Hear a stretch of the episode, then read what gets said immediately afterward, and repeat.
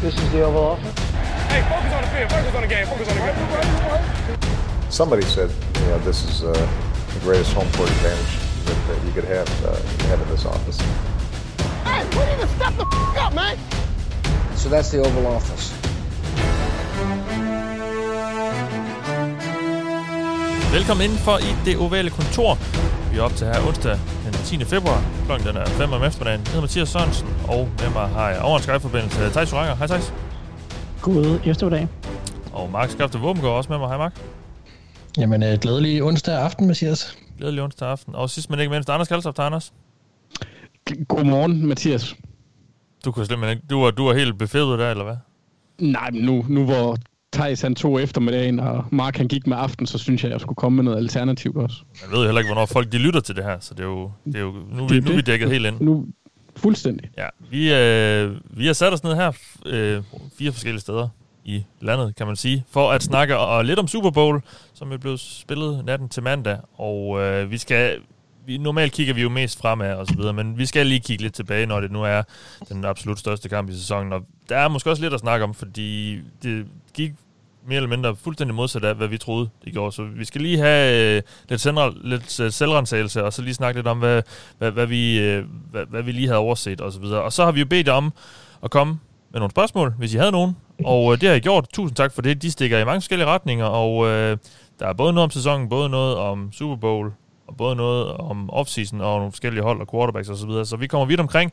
Der skal nok kom mange gode snakke ud af det. Uh, men inden vi går i gang med det hele, skal jeg jo sige, at vi sidder her, fordi der er en masse, der støtter os ind på tier.dk.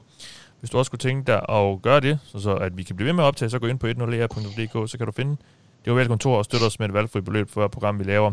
Det vil vi sætte rigtig, rigtig stor pris på, fordi vi har simpelthen tænkt os at blive ved med at sende hele offseason, ligesom vi har gjort de sidste par år.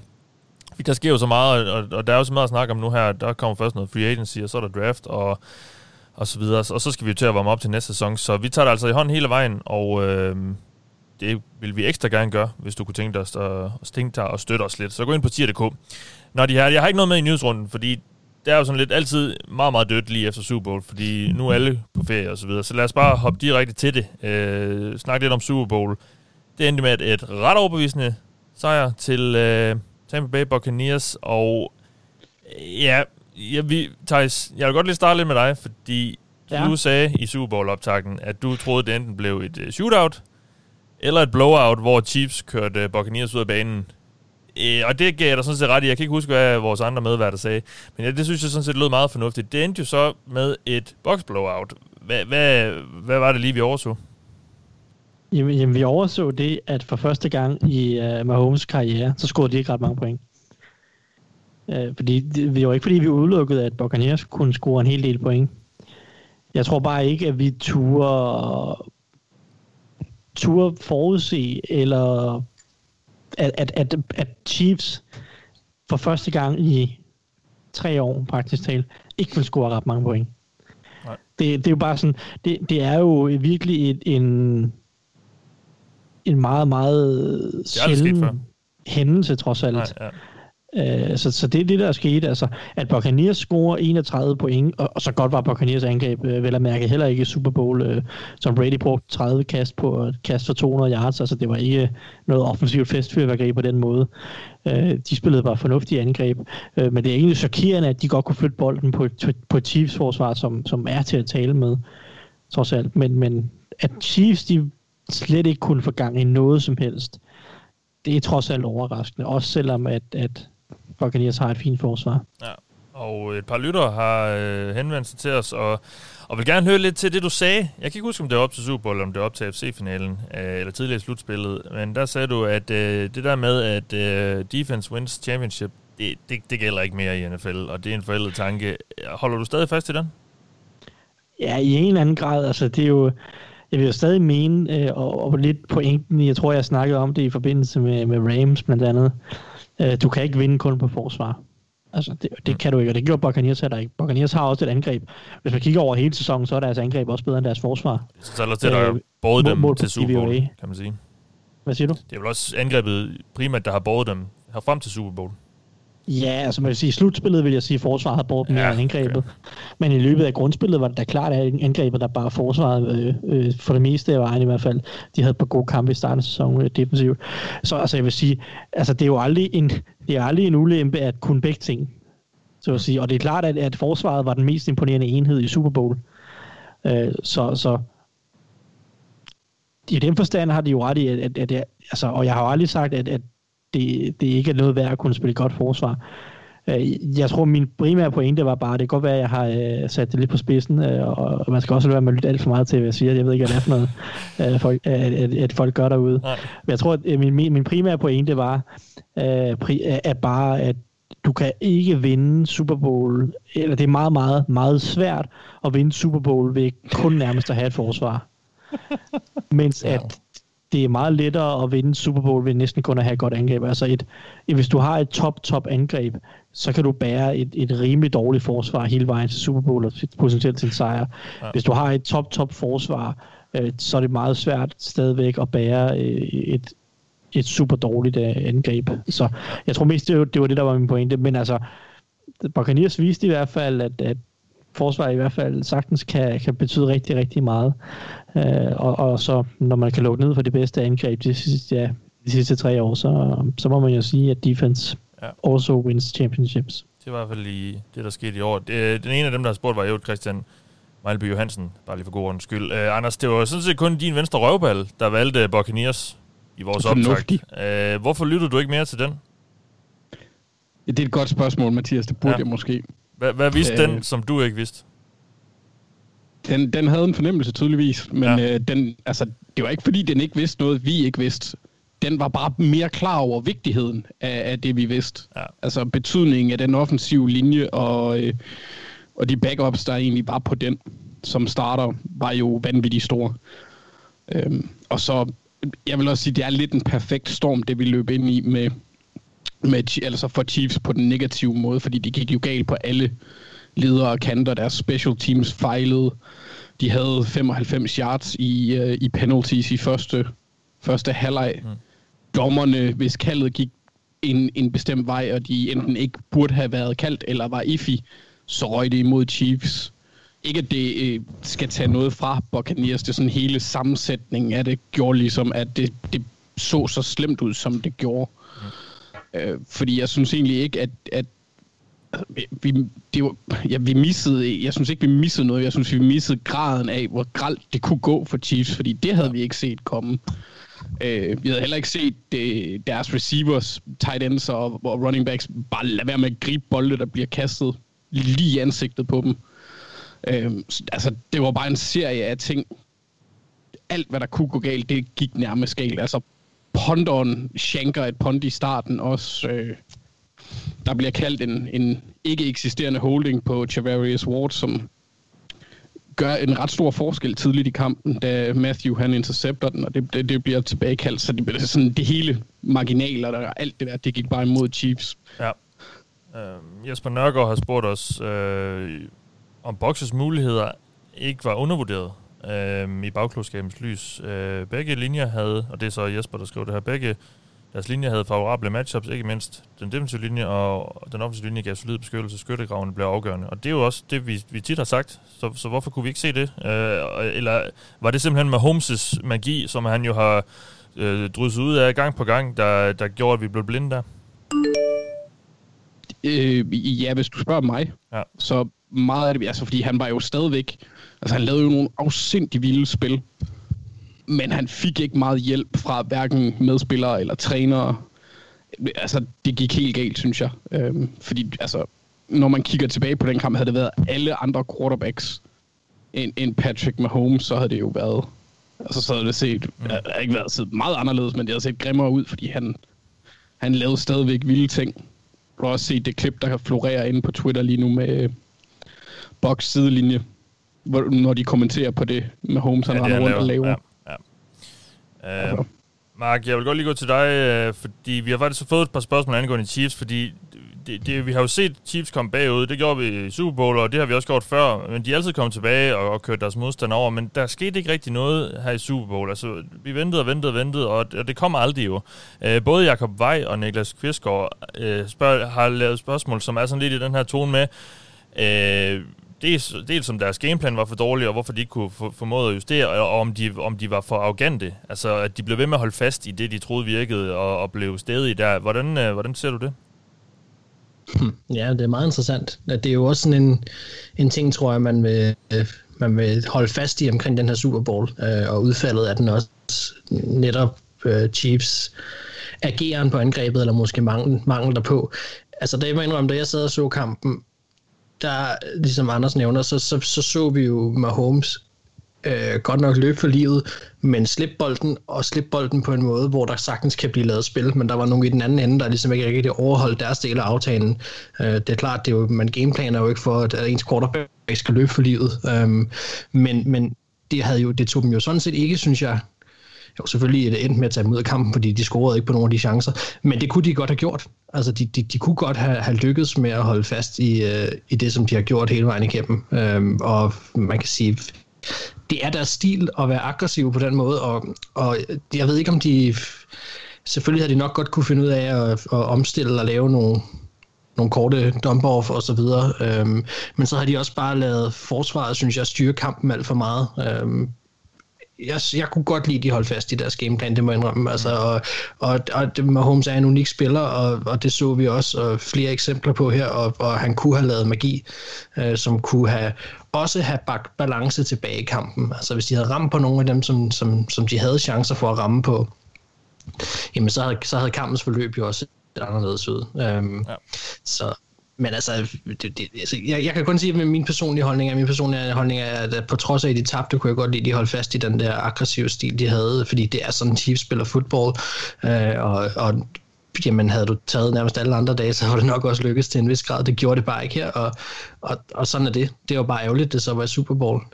Ja, Thijs, øh, sad du og, og efterspurgt eller og, og søgt nogle, nogle justeringer for Chiefs, eller hvad, da du så kampen, eller har set den efterfølgende? Ja, altså den primære justering, jeg ville lave, det var jo at bede mod Tyreek Hill om at spille en ordentlig kamp. Ja, grib bolden. Øh, øh, jeg synes, Tyreek Hill var under alle kritik i den her kamp. Øh, egentlig, jeg synes, han spiller en meget, meget dårlig kamp. Og der, man kan sige, der er også andre af receiverne, der ikke rigtig laver de spil, de skal. Men, øh, men Tyreek Hill er jo en af de store stjerner på det her angreb, og han har et par drops, han har et par andre ting, eller spil, hvor han ser lidt ugidelig ud, og de rigtig får noget af det. Men øh, man kan også godt argumentere for, at de burde have hjulpet deres tackles lidt mere i pass protection. Jeg er bare ikke sikker på, at det havde hjulpet så meget sidste ende. Altså, de, de, de vælger jo bare at køre med den filosofi, ja okay, øh, lad os egentlig bare sende så mange folk, som vi kan ud på nogle ruter, og for at give Mahomes så mange muligheder som muligt for at finde noget, og så bare stole på, at Mahomes han kan, han kan læse forsvaret og lave de spil, der skal til. Øh, jo flere folk du sætter i protection, jo færre muligheder giver du jo Mahomes, og jeg, jeg ved ikke, om en mand havde hjulpet, fordi at de blev slået over hele linjen. Altså, ja. Det var jo ikke kun venstre tackle, der havde problemer. Det var begge tackles. Det var indvendigt. Altså, ja. Alle fire Buccaneers folk på den defensive linje øh, skabte jo problemer. Så, så man kan sige, jo, de burde nok have prøvet måske lidt mere at give, give lidt mere hjælp med en tight end, eller måske lidt mere running back hjælp i pass protection, men jeg er ikke sikker på, at det havde hjulpet så meget, så jeg kan egentlig godt forstå, at de gør, som de gør. Men altså, altså de, de blev jo bare, de, de, de underpræsterede jo bare helt vildt. Altså, vi har ikke set de her Chiefs hold have en dårlig kamp nogensinde. Mahomes har aldrig haft, han havde heller ikke nogen dårlig kamp. Øh, det her Chiefs angreb har aldrig haft nogen dårlig kamp med Mahomes quarterback. Det havde de så i Super Bowl.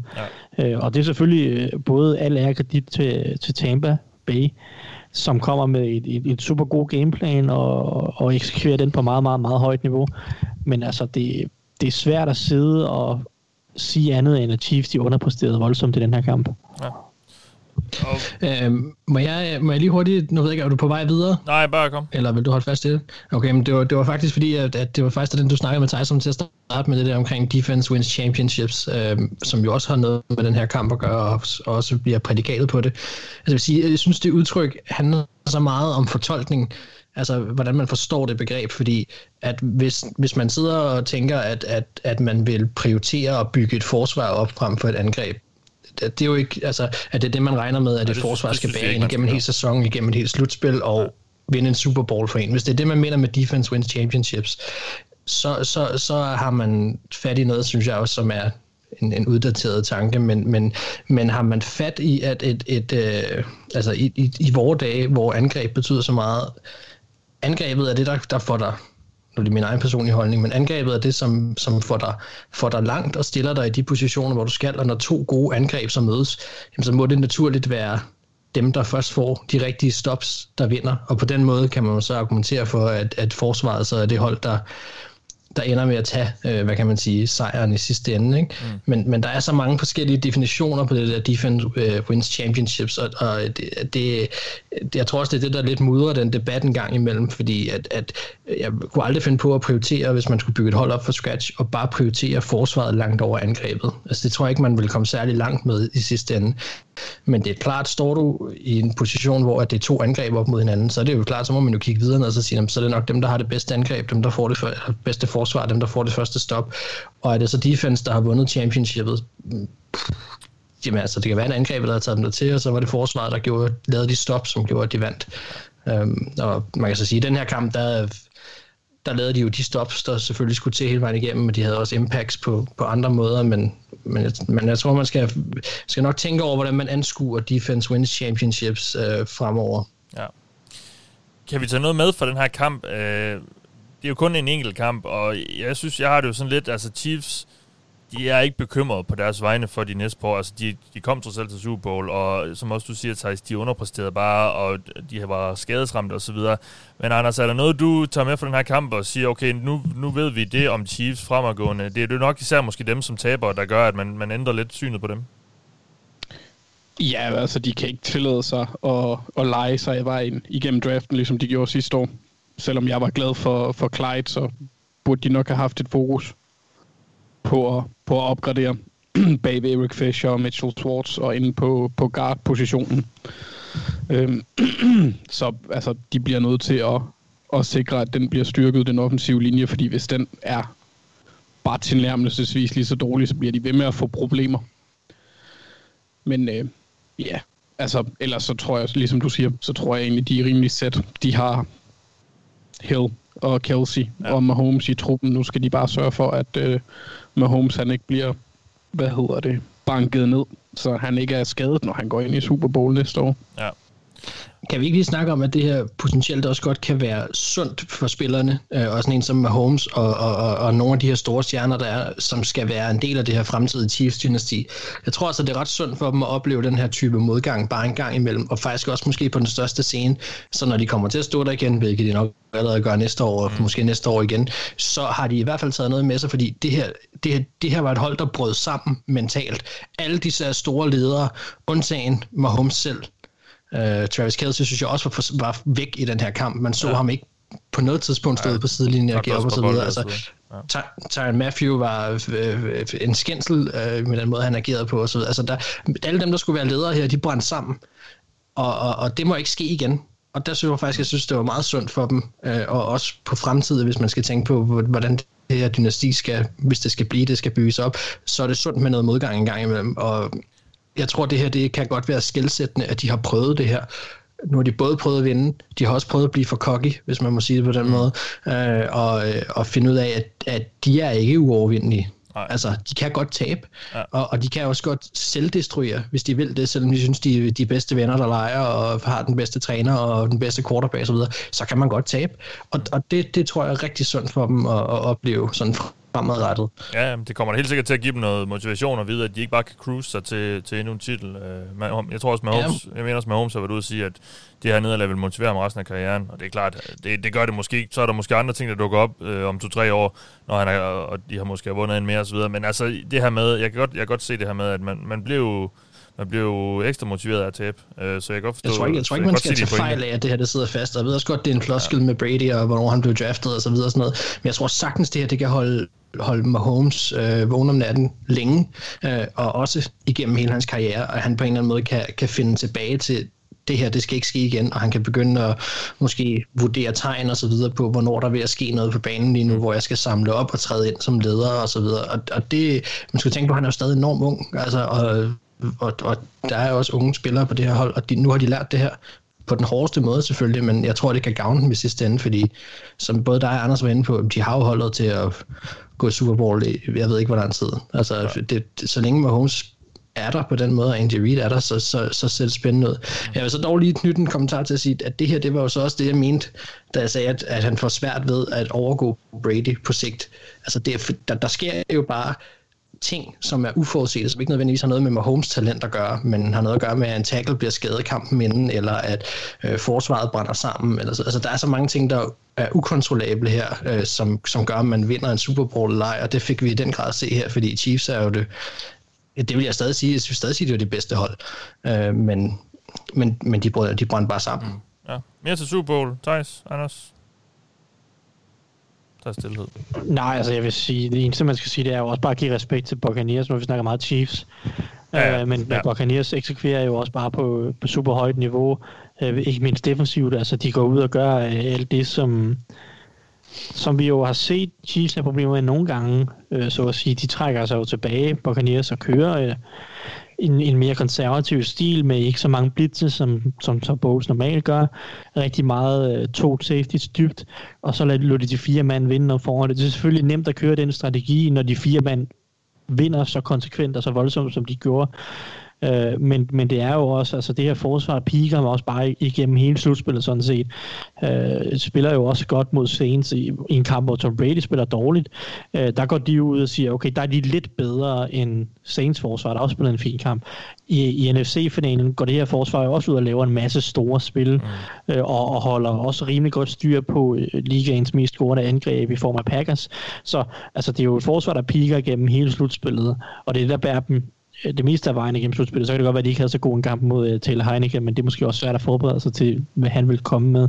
Ah, han er lige blevet forlænget i dag, Thijs. Så ja, ja, nå, ja, men altså, de, de, havde jo ikke noget tape på, om det var mest det, jeg mener. De, de kunne ikke rigtig vide, hvad der kom. Men det kan de så gøre næste år, uh, måske, hvis han er startende quarterback der. Uh, men altså, uanset hvad, altså, dyb respekt for det her forsvar, som løfter sig rigtig meget i forhold til, til grundspillet, hvor at, at det, det var ikke en opadgående kurve, de havde der. Der startede de rigtig godt i de første fem uger, men så derfra begyndte at gå lidt ned ad bakke.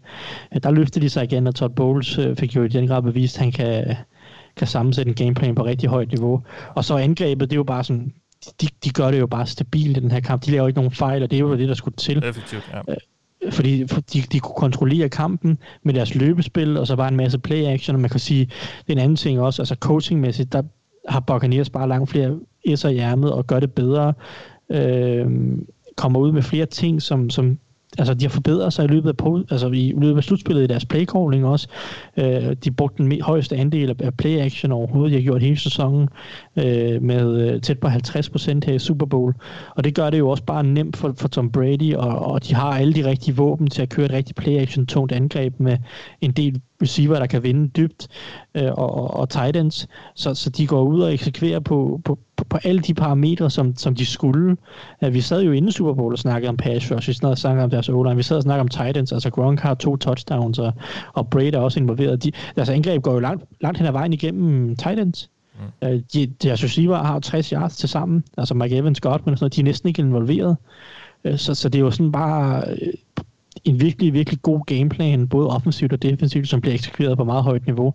Og det må man jo give at Buccaneers. De har virkelig peaked i slutspillet, og så ved jeg ikke, om ja. det er Tom Brady-effekten, eller hvad det er, men det er jo det er i hvert fald imponerende, og så, så, så vil jeg bare sige, at, at ja, det var, det var egentlig mest bare det. Mm. Så kan man snakke nok så meget om Chiefs, men Buccaneers gjorde alt det, der skulle til for, at de kunne vinde kampen. Ja, hatten er for, for til Jason Light og, og ledelsen i Tampa Bay, der har taget nogle chancer, men jo som øh, over de seneste år virkelig har fået stablet godt øh, hold på, på, på benene. Øh, der var lige quarterbacken, der manglede. Han kom så i år, og så kom der lidt ekstra småting også i år. Øh, eller småting, småting. En Gronk og en, og en, og en god højre tackle også, de, de fik draftet i, i Tristan Wirfs. Så, så det er bare godt arbejde over de sidste par år, og, og så er det selvfølgelig... Øh, Tom Brady, der lige får det hele til at gå op i en højere enhed, som han jo altid nærmest gør. Um, en, en lille sidste kommentar til det, ja. Tyson sagde med deres forsvar. Han nævner de første fem uger, og så at de var gode i slutspillet. Det passer nogenlunde med, hvornår Vita Vea, han var på banen. Ham skal vi også lige ja. nævne. Han var altså en af de der, øh, man kan ikke kalde ham en statpacker, men han æder bare folk. Det må man sige. Og æder plads. Og, ja, det, ja. Han er det var også det, jeg mente. Ja. øhm, jamen, så lad os gå til øh, Så lad os gå til nogle lytterspørgsmål. Øh, dem har vi allerede fået nogle af, men vi har fået mange flere. Og jeg har inddelt dem lidt i kategorier, fordi der var rigtig mange, der handlede om noget med quarterbacks, og så var der en del andre, som handlede sådan noget generelt om nogle forskellige hold, og så var der øh, nogle, sådan, nogle, der skød i mange forskellige retninger. Så vi har tre kategorier. Noget om quarterbacks, noget om hold, og så diverse. Og vi starter med quarterback-snak, øh, og det er jo også klart, at det er noget, I interesserer mig for, fordi det er jo hjørnestenene på alle holdene. Uh, vi starter med et spørgsmål fra Niklas Lisewski, og han, uh, han har fokus på Las Vegas Raiders, fordi han, og han skriver, med alle de rygtede og bekræftede quarterback-rokader, synes jeg, at en spiller som Derek Carr og hans fremtid hos Raiders falder lidt under radaren. Det rygtes, at de ikke er afvist over for at trade ham, selv efter hans måske bedste sæson mål på stats. Hvor ser I ham, og hvad tænker I om det, Anders? Altså, jeg har svært ved at se, hvem der skulle vinde noget ved, at man handler sig til ham. Ja. Altså, John Gruden er jo, kendt, har jo, er jo kendt for i NFL, for det er bare nærmest køb og smid væk. Altså, han bliver så hurtig, øh, han mister hurtigt tålmodighed med folk, og mener, han kan forbedre mm. osv. Især med quarterbacks. Ja, Ja, det, det skulle være det eneste træk, der skulle gøre for, at de skulle sende dem væk, men jeg kunne ikke se det hold, der vil gøre enormt meget for at hente ham lige nu. Øh, I hvert fald. Det kunne godt være, at det kunne ske, hvis der kom gang i rokæderne mm. på et tidspunkt. Måske. Altså, man skal jo aldrig... Øh, hvad hedder det, tvivl på, at Houston Texans skal lave dumme beslutninger, hvis Deshaun Watson han, øh, han forlader skuden dernede. Øh, men altså, jeg tror, at det vi så fra Kai i år, det var hans loft i forhold ja. til, det var hans, statistisk var det hans klart bedste sæson, både i intended air yards og i touchdowns og i yards, og øh, så, så på den måde, så tror jeg, det, det er lidt toppen af, hvad han er lige nu. Jeg tror, han er, han er lidt jeg ved ikke, han er en dårligere version af Kirk Cousins-typen. Og det ved jeg bare ikke, hvor langt du kommer med. Nej, og, når dit hold er, og er det godt nok til Gruden? Godt. Er det, godt, er det godt nok til Gruden? Det, det ved jeg ikke. Det tror jeg, jeg, altså, jeg tror, han er der, så længe de ikke har en, et alternativ, og det ja. bliver i hvert fald ikke Nathan Peterman. Nej, godt nok ikke. De, Eller Mariota. De, de, ja, det tror jeg heller ikke, nej. Men altså, jeg har, jeg har, altså, så skal det være, fordi de, de er heldige med, at der, der er en ung Laban, der falder til dem i år, at de, de så henter ham afsted. Men lige nu kan jeg ikke se ham som super attraktiv, fordi så det hold, der så henter ham, så sidder de jo også, altså han er, han er det, med, jeg vil kalde en progress stopper. For du, altså, du, du får et stabilt niveau. Lidt ligesom Kirk Cousins. ja. men, men jeg tror aldrig, du kommer, du kommer aldrig helt over hækken over på den anden side, hvor græsset er lidt grønnere, hvis du har ham i stallen. Nej, og det handler også nok, som også du siger for Raiders, om, hvad, hvad, kan de, hvad, kan de så, hvad kan de så få? Og de har jo ikke et super højt uh, draft pick, så de kan tage en i topnavnene, medmindre de selvfølgelig trader sig til et eller andet. Uh, så, så det handler jo lidt om, at ja, så skulle man virkelig lave en eller anden vild trade eller et eller andet, men, men de er jo lidt låst på den måde. Uh. Altså hvis de kunne få en god forsvarsspiller for ham, så ville det jo være et, et altså for, for Raiders kan jeg se dem vinde meget ved det. Ja. Uh, men, men det mest modtagerholdet har jeg svært ved at se det. Ja. Uh, fordi altså, Raiders de mangler så meget på forsvaret, at jeg tror ikke, at det vil være helt galt at prøve med Mariota og så draft nogle quarterback samtidig. Ja. Altså selvfølgelig er det måske nok et niveau lavere. Man, man vinder ikke noget med Mariota, men det tror jeg heller ikke, man gør med Carr.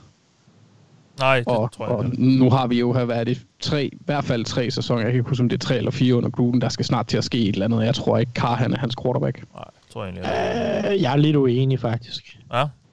I, øhm, i, i flere ting, men jeg mest af Halloween, jeg, jeg synes, du taler Carr helt vildt meget ned, trods alt. Og, og gud skal vide, at jeg ikke er Derek Carrs største fan på nogen som helst måde. Jeg synes godt nok, jeg synes godt nok du er hård ved ham. I, i, du bare nærmest afskriver ham som, som alt. Og, altså, du, får, du kalder ham næsten dårlig, og det synes jeg ikke, han er.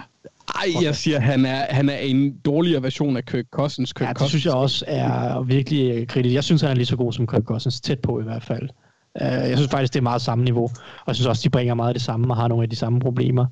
Jeg mener, at hvis Indianapolis Colts kan få Derek Carr for en rimelig pris, så mener jeg, at de er Super Bowl-contenter. Om de nogensinde lykkes dem at vinde Super Bowl med Derek Carr, det ved jeg ikke.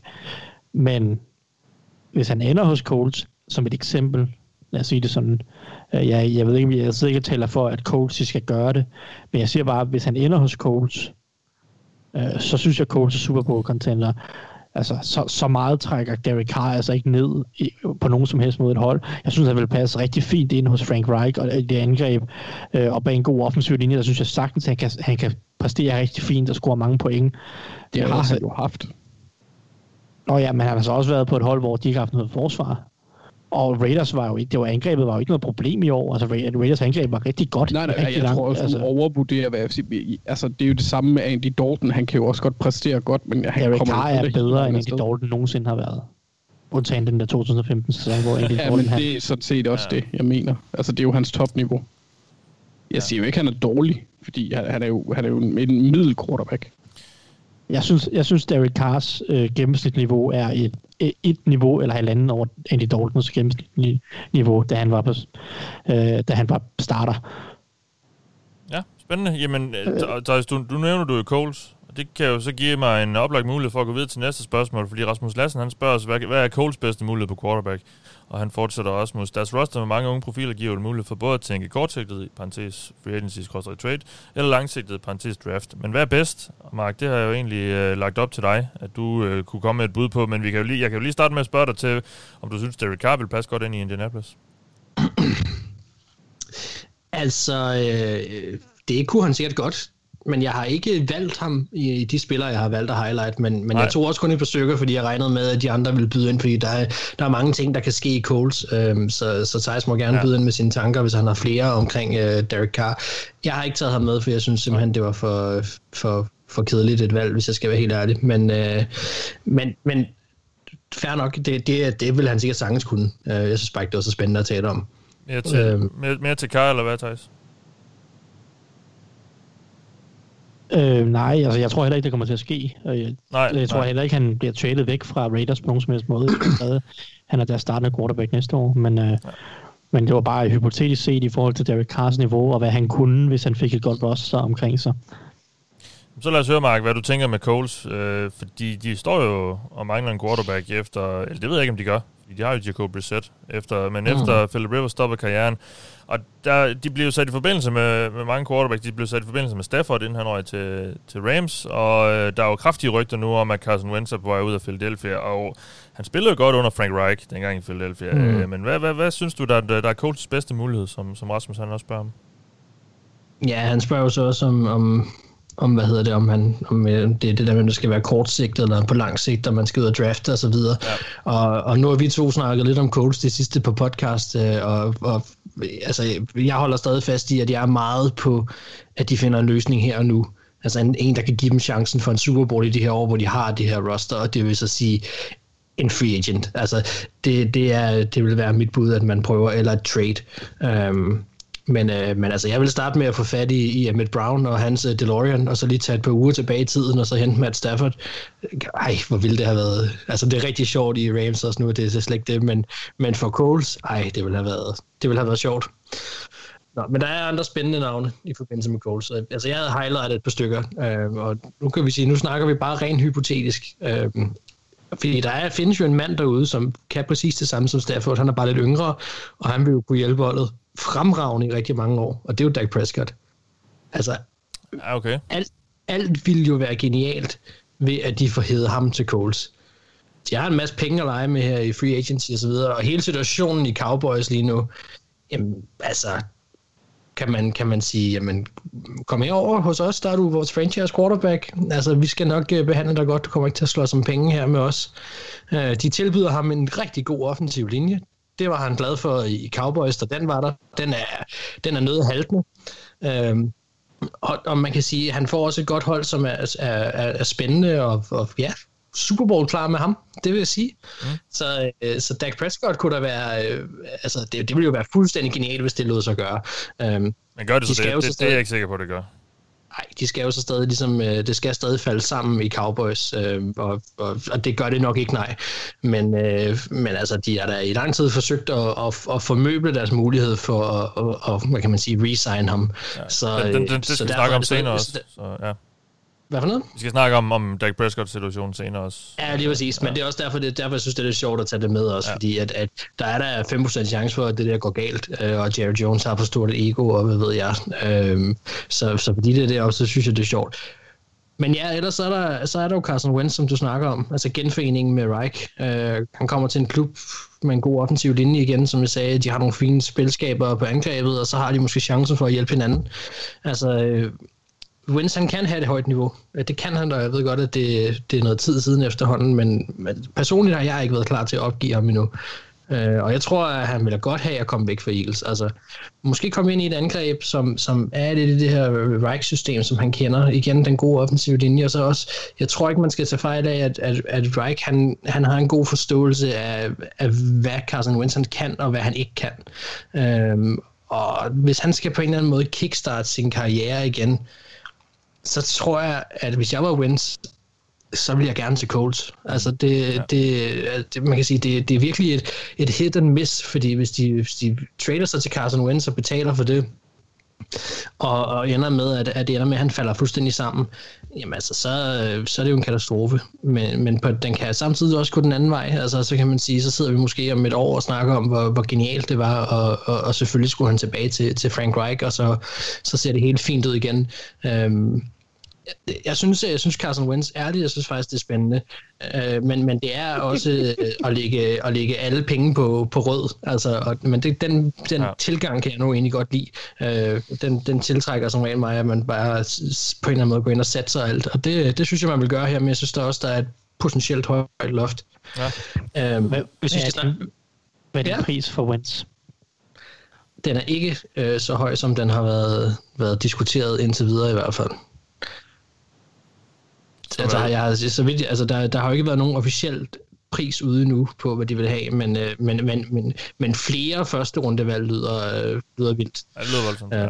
Så, det, så, så, så, da vi ikke er ude i, at de bare skal få fat i Carson Wentz for enhver pris, men, men hvis, hvis Wentz gerne vil væk fra Eagles, og, og, og, og de gerne vil se, okay, fint nok, jamen, altså hvis vi ikke skal tage for meget leverage, jamen, så, så vil vi gerne sende dem afsted, så Ja, det ved jeg ikke. Jeg ved ikke, hvad jeg vil betale for ham. Jeg aner ikke engang, hvad Coles har skyde med, angår uh, draft picks lige nu. Men, uh, men jeg vil da, jeg vil da nok tage et skud på det, hvis ikke det var alt for dyrt. Ja. Så Dak Prescott er det den bedste mulighed i en urealistisk verden, og Carson Wentz ja, ja. er den bedste mulighed i en mere eller mindre realistisk verden.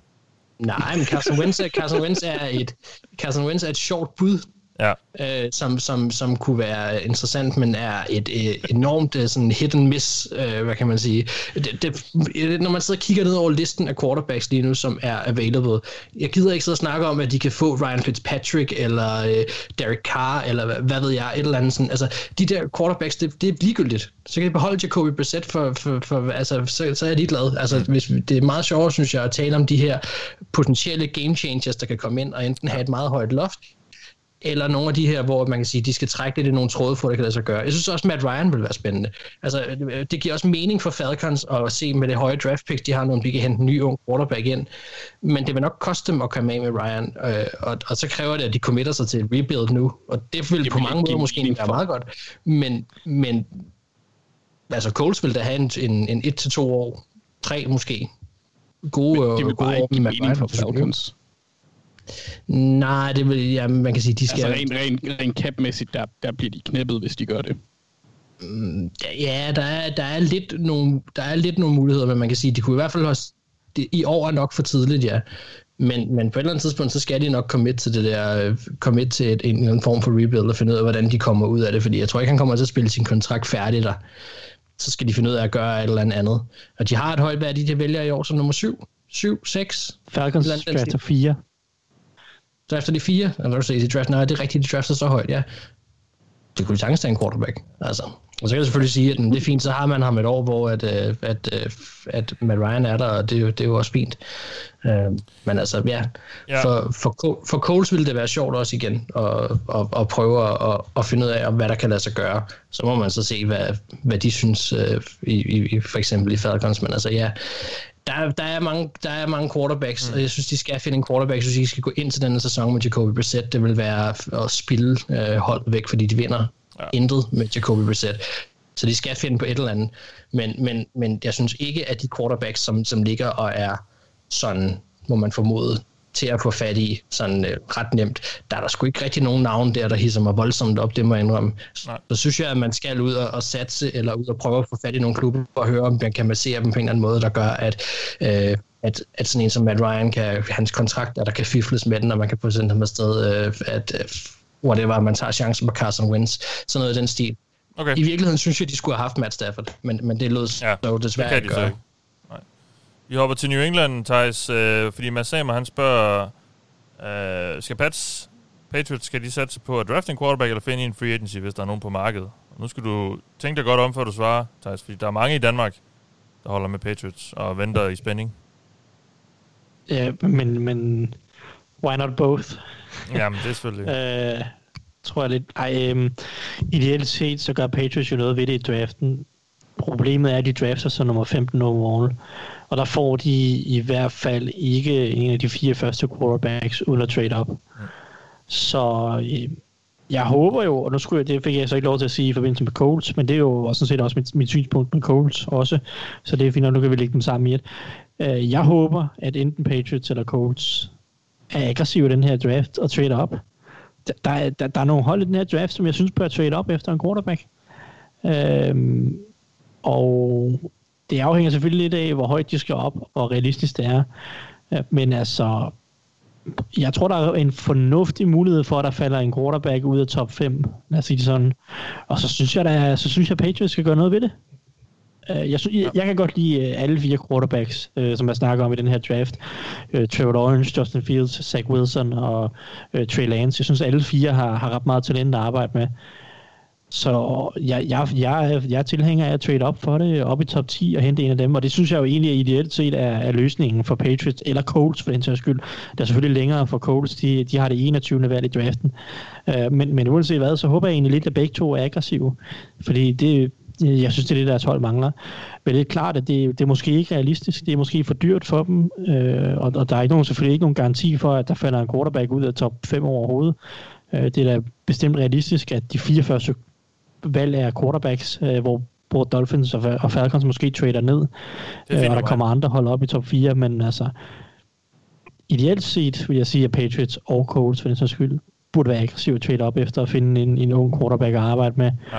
Men ellers, øh, ja, så var de jo ude og finde en lappeløsning, og, men problemet er bare, at det bliver sådan endnu en, en, en mellemsæson. Øh, så må de, men ellers, så, ja, så, sådan noget, så er det jo sådan noget Teddy Bridgewater, eller Sam Darnold, eller øh, hvad ved jeg, Ryan Fitzpatrick. øh, og det er jo heller ikke ret inspirerende. Så, så altså, de kan selvfølgelig også prøve at tage en, altså med det 15. valg, der kan de måske få Mac Jones eller, eller Kyle Trask i anden runde eller nogen stil, og, og så tage fat i nogle af de her projekter. Problemet med de to navne er bare, at, at det er bare ikke rigtige projekter som sådan for mig, fordi jeg synes ikke, deres potentiale er ret stort. Altså, hvis du tager i, i, så nogle af de her quarterbacks, vi har set, som, som er taget sent i, sent i første runde, eller øh, anden runde måske, der har der været noget upside i dem. Altså, du tager en, en Lamar Jackson med det 31. valg. Øh, der er jo noget upside i ham, selvom han havde en del ting, han skulle arbejde med. Øh, og, og, det, og det er jo... Øh, og det samme med en, en David Love, for eksempel, øh, for sidste år, ikke? Men, Jordan. men det, Jordan, Ja. David Love, det er en golfspiller. øh, nå, øh, Jordan Love selvfølgelig. og, Øh, så, så jeg synes bare ikke, der er ret meget upside i Mac, Mac Jones og Kyle Trask, og derfor er jeg ikke så Nej. stor fan af dem i årets draft. Så ideelt set, så synes jeg, de trader op efter en quarterback. Men jeg ved godt, det ikke måske kan lade sig gøre, og så vil jeg jo nok prøve måske at, at se, om, om Teddy Bridgewater er tilgængelig, øh, eller så, øh, ja, så ved jeg ikke, fisk. Tænk så, det var en, Endnu- en ting sidste offseason, at, at Belichick virkelig var glad for Jared Stidham. Altså, det, åh, sådan noget. Jeg hader sådan nogle historier der. Det var jo så tydeligt, at de ikke ville satse på ham. Nå, undskyld. Øh, det var mig, der lige skulle have lidt gærle ud. øh, han har nok ikke svaret for dem fremover. Mere til Patriots, Thijs? Nej, altså det, det, jeg håber, de trader op i draften, eller det ved jeg ikke, om jeg håber, men, men altså, som, som øh, hæftig Patriots hater selvfølgelig. Uh, men det synes jeg burde være deres mål. Ja. Men det kan godt være, det ikke er realistisk. Så må de jo prøve at gå ud i free agency igen i år og, og finde en eller anden lappeløsning, som de måske uh, kan satse på, og det ved jeg ikke, hvad det skal være. Så det, det, der, er jo, der er mange muligheder. Det, det, må, det må de se, når der er også en, en større quarterback-kabale, som, som skal udspille sig i, i, den, i det her scene. Ja, og den hopper vi også lidt ind i nu her, fordi øh, Jacob Bay, han har stillet et spørgsmål med. Han spørger, hvilken quarterback vi finder mest eftertragtet på trademarket, hvis man fjerner Watson, og hvilken kombination finder jeg mest færdig for denne. Anders, jeg har bedt dig om at komme med et bud på det. Jacob mener selv, det er Wentz. Ja, han nævner så også øh, øh, Donald, Jimmy G, Derek Carr, Ja. ja. Teddy Bridgewater. Ja. Øhm, jeg vil som udgangspunkt, baseret på det, vi så i år fra Wentz, hvor han så komplet ødelagt ud, jeg vil synes, at Darnold er den mest spændende øh, i det rigtige, øh, på det rigtige hold. Øhm, blandt andet, hvis, altså, hvis, hvis kompensationen ikke er igen, jeg tror lidt i forhold til Wentz og kompensation, at, at Eagles de er ude og prøver at, at puffe prisen op. Jeg tror ikke, der er nogen, der er villige. Jeg vil finde det tosset, hvis der var nogen, der var villige til at give to første rundevalg for ham. Øhm, det er vel også der, der er mest udviklingspotentiale i. Af ja, dem her. helt sikkert. Uden tvivl. Selvom vi jo ja, øh, ikke rigtig har set så meget for ham endnu, men han er trods alt stadig meget ung, og, og har øh, måttet lide under Adam Gaze et par år, så, så der er jo nok nogen i ligaen, der tænker, hvad nu hvis vi nu satte ham i nogle ordentlige omgivelser? Det, vil jeg, det, det kunne jeg forestille mig. Altså, jeg ville ikke være... Øh, jeg, vil, jeg, jeg kunne godt se ham som konkurrent til at blive starter øh, med Josh Rosen i 49ers næste år. Øh, ja, okay. men altså, han har jo, han har, han bliver 24 til sommer. Det er jo, altså, han er yngre end nogle af første rundevalgene fra sidste år. Øh, blandt andet Joe Burrow. Det har man der mange, der er yngre end. Men, øh, så, der er altså, ikke så mange, der er bedre end ham. Som... Nej, det er rigtigt. det, det, det, det, er sandt. Det kan være, hvis han får den rigtige træner, at, øh, at der er noget. Nu var jeg aldrig den store fan, men jeg synes også, at det er lidt en fisen hvad kan man sige, øh, sjovt nok, at, at de quarterbacks, der er ledige, at de ikke nogen, der er super tiltalende. Der var det Stafford, inden han røg til Rams, der var den, der var den klart mest ja.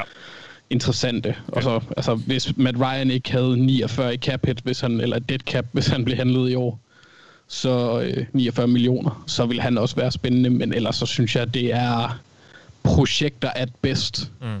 Okay. Øhm, måske lige med mindre dit hold er, er, er øh, pakket klar. Men jeg tror ikke, at det altså, som Thijs nævner, så Derek Carr vil jo være fin, men jeg tror bare ikke, at det er det, der det er ikke det, der, der, der skubber franchisen den sidste vej mod Super Bowl. Men det kan godt være, det gør det en lille bitte smule bedre. Måske vinder en wildcard-kamp. Ja. Godt. Der tror jeg, at Donald han har et højere loft, derfor er han lidt spæ- mere spændende. Modtaget. Nu fik du nævnt Josh Rosen. Det skal man passe på med i den her podcast. Og det er måske også en fejl at give det her spørgsmål til dig, Mark.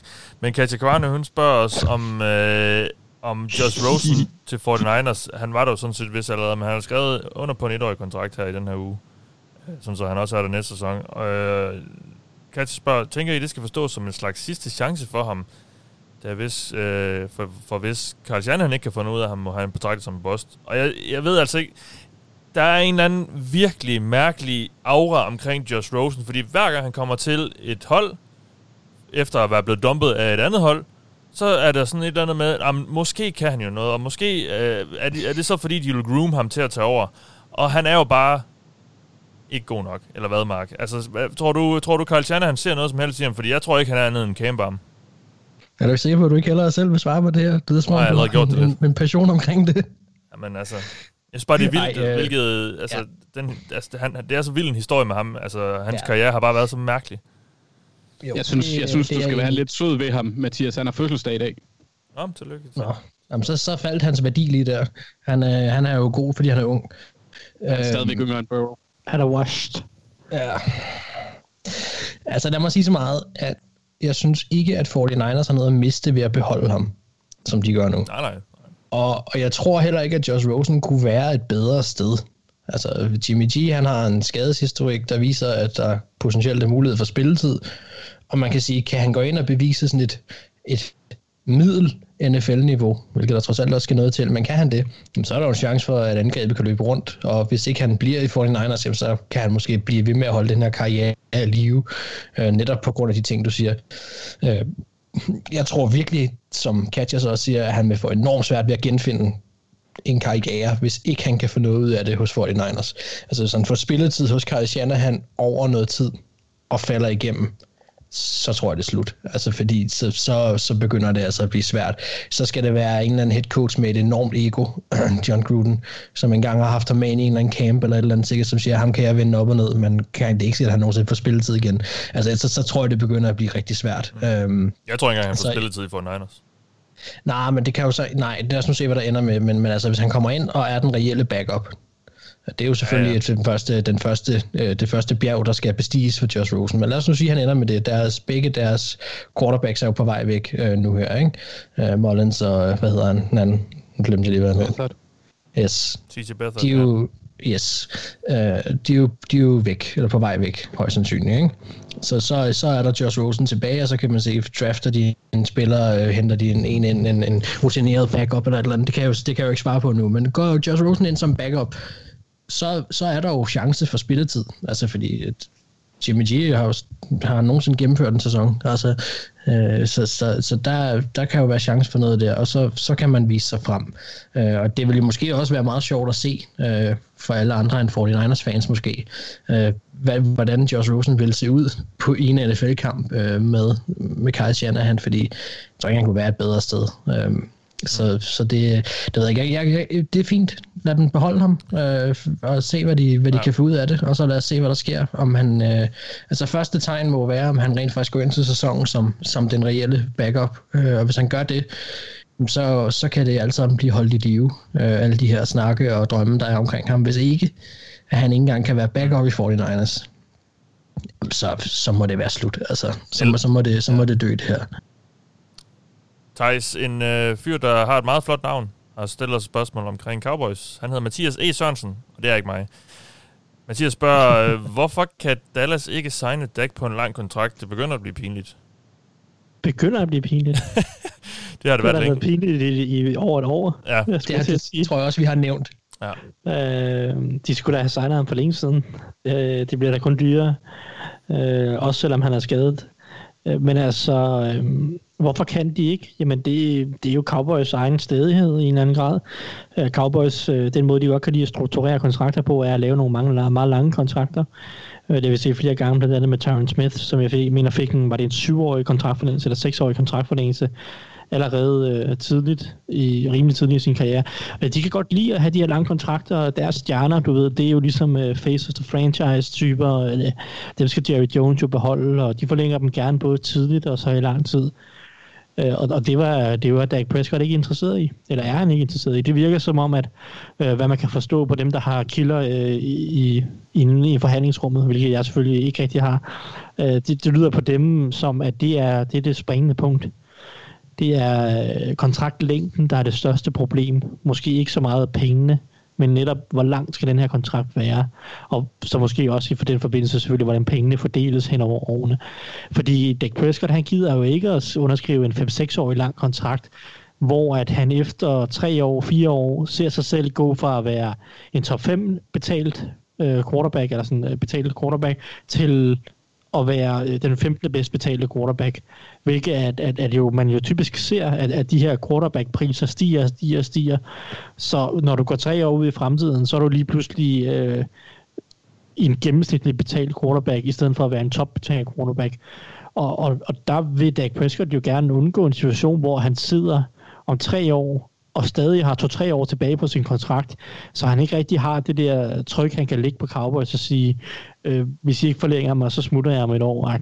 Øh, så, så Dak Prescott har efter sine været interesseret i, i for eksempel en, en fireårig kontrakt, hvor han så netop om tre år vil have noget pres på Cowboys til at sige, okay, nu skal I forlænge mig og, og, og øge min kontrakt, eller forbedre min kontrakt, hvis ikke I risikerer, risikere, at jeg øh, bare siger ciao og, og smutter efter den kommende sæson, eller så videre. Så det, det er jo det åbenbart til springende punkt, og det kan jeg godt forstå, Dak Prescott i. Det, det, der er ikke nogen grund til på en position, hvor at priserne stiger og stiger og stiger på den måde, som de gør, at, at skulle tage en 5-6-årig kontrakt. Øh, det, det, det er bare at give sig selv dårlige odds, eller kort på hånden, øh, længere ude i fremtiden. Øh, så, så det, det er efter sigende grunden til, at de ikke har forlænget ja, sidste år, da, da, de, havde, da de forhandlede. Øh, og nu må vi så se, om de kan blive enige om noget andet i, i den her årsseason. Det vil jeg jo tro, de kan, men, men det, det, det Cowboys må også bare til at tage sig sammen og få det gjort, altså så svært kan det ikke være. Altså. Der, Jerry Jones, må lige uh, skrue ned for stedigheden, det, det vil jeg sige. Yes. Det er, det er verdens længste, hvad hedder sådan noget, pissekonkurrence, havde han sagt. Det var et klemt ord. Men det er, de, de sidder og, altså, der, ej, der, der er godt nok noget ego på spil, men det er interessant, altså fordi det er, jeg tror, den, den, den tendens, som Dak Prescott kommer ind med, eller kommer med ind til, til forhandlingsbordet med det her, det vil vi se øh, for, andre, for andre quarterbacks og andre ting, øh, andre spillere, der skal have store kontrakter fremover. Altså, det er en ny måde at sikre sig øh, og få mest muligt ud af, af de her. Det er jo klart, for position til position er det jo forskelligt, men en quarterback har jo ikke, er det jo ikke favorabelt, der skal jo en 7-8-årig kontrakt for, som regel. Det er jo forholdet, det er det. Anders, vi har dig med igen på en lidt bedre forbindelse. Jeg spurgte dig egentlig om noget til Josh Rosen, om, om han var færdig, hvis han ikke klarede den i for Niners. Hvad, hvad siger du til det? Altså, øh, som starter, det vil jeg tro, men han har da en mulighed for lige at hoppe rundt på som backup, eller på practice squad, eller et eller andet. Øh, men, altså, snoren er ved at være, være rimelig, rimelig, rimelig kort. Ja. Desværre. Jamen, det næste spørgsmål, det er også til dig, og vi hopper faktisk også i, over i en ny kategori, fordi vi skal have over i holdkategorien. Og vi bliver, øh, mens vi så skifter kategori, så bliver vi faktisk lidt i Cowboys, som vi snakker om før. Fordi øh, Philip Søren Bonnet, han spørger om, øh, han, han skriver, er jeg for pessimistisk, når jeg, når jeg ikke har tiltro til, at Dan Quinn kan give Dallas bare et middelforsvar i fremtiden? Siger du til det? Øh, altså, Philip med dobbelt L er måske en, jeg vil sige, lidt for pessimistisk i forhold til, at, at det bliver et middelforsvar. Det kan det jo godt. Øh, men jeg kan godt forstå, hvad han begrunder det i, fordi Dan Quinn har aldrig præsteret med andet end, end supertalentet. Der var altså Seahawks forsvar. Det, det var jo vanvittigt i den periode, hvor han var der. Øh, altså på spillermaterialet. Øh, så det kræver lidt, at Dallas de får hentet øh, mere materiale, og så også for det, der allerede er der til at præstere igen. Altså blandt andet det Marcus Lawrence, at han kommer op på at, at præstere på øverste hylde, som han har gjort tidligere. Fordi så kan der være noget potentiale på det hold, mm. eller på den side, men jeg kan godt forstå, at han er pessimistisk. Muligheden er der, men, men øh, jeg, jeg vil også, ligesom Philip, være lidt pessimistisk men det, det er, lige nu synes jeg, det er svært at svare på, fordi jeg ikke ved, hvad deres endelige holdopsætning bliver på, på forsvarssiden eller ja. forsvar, øh, angrebssiden.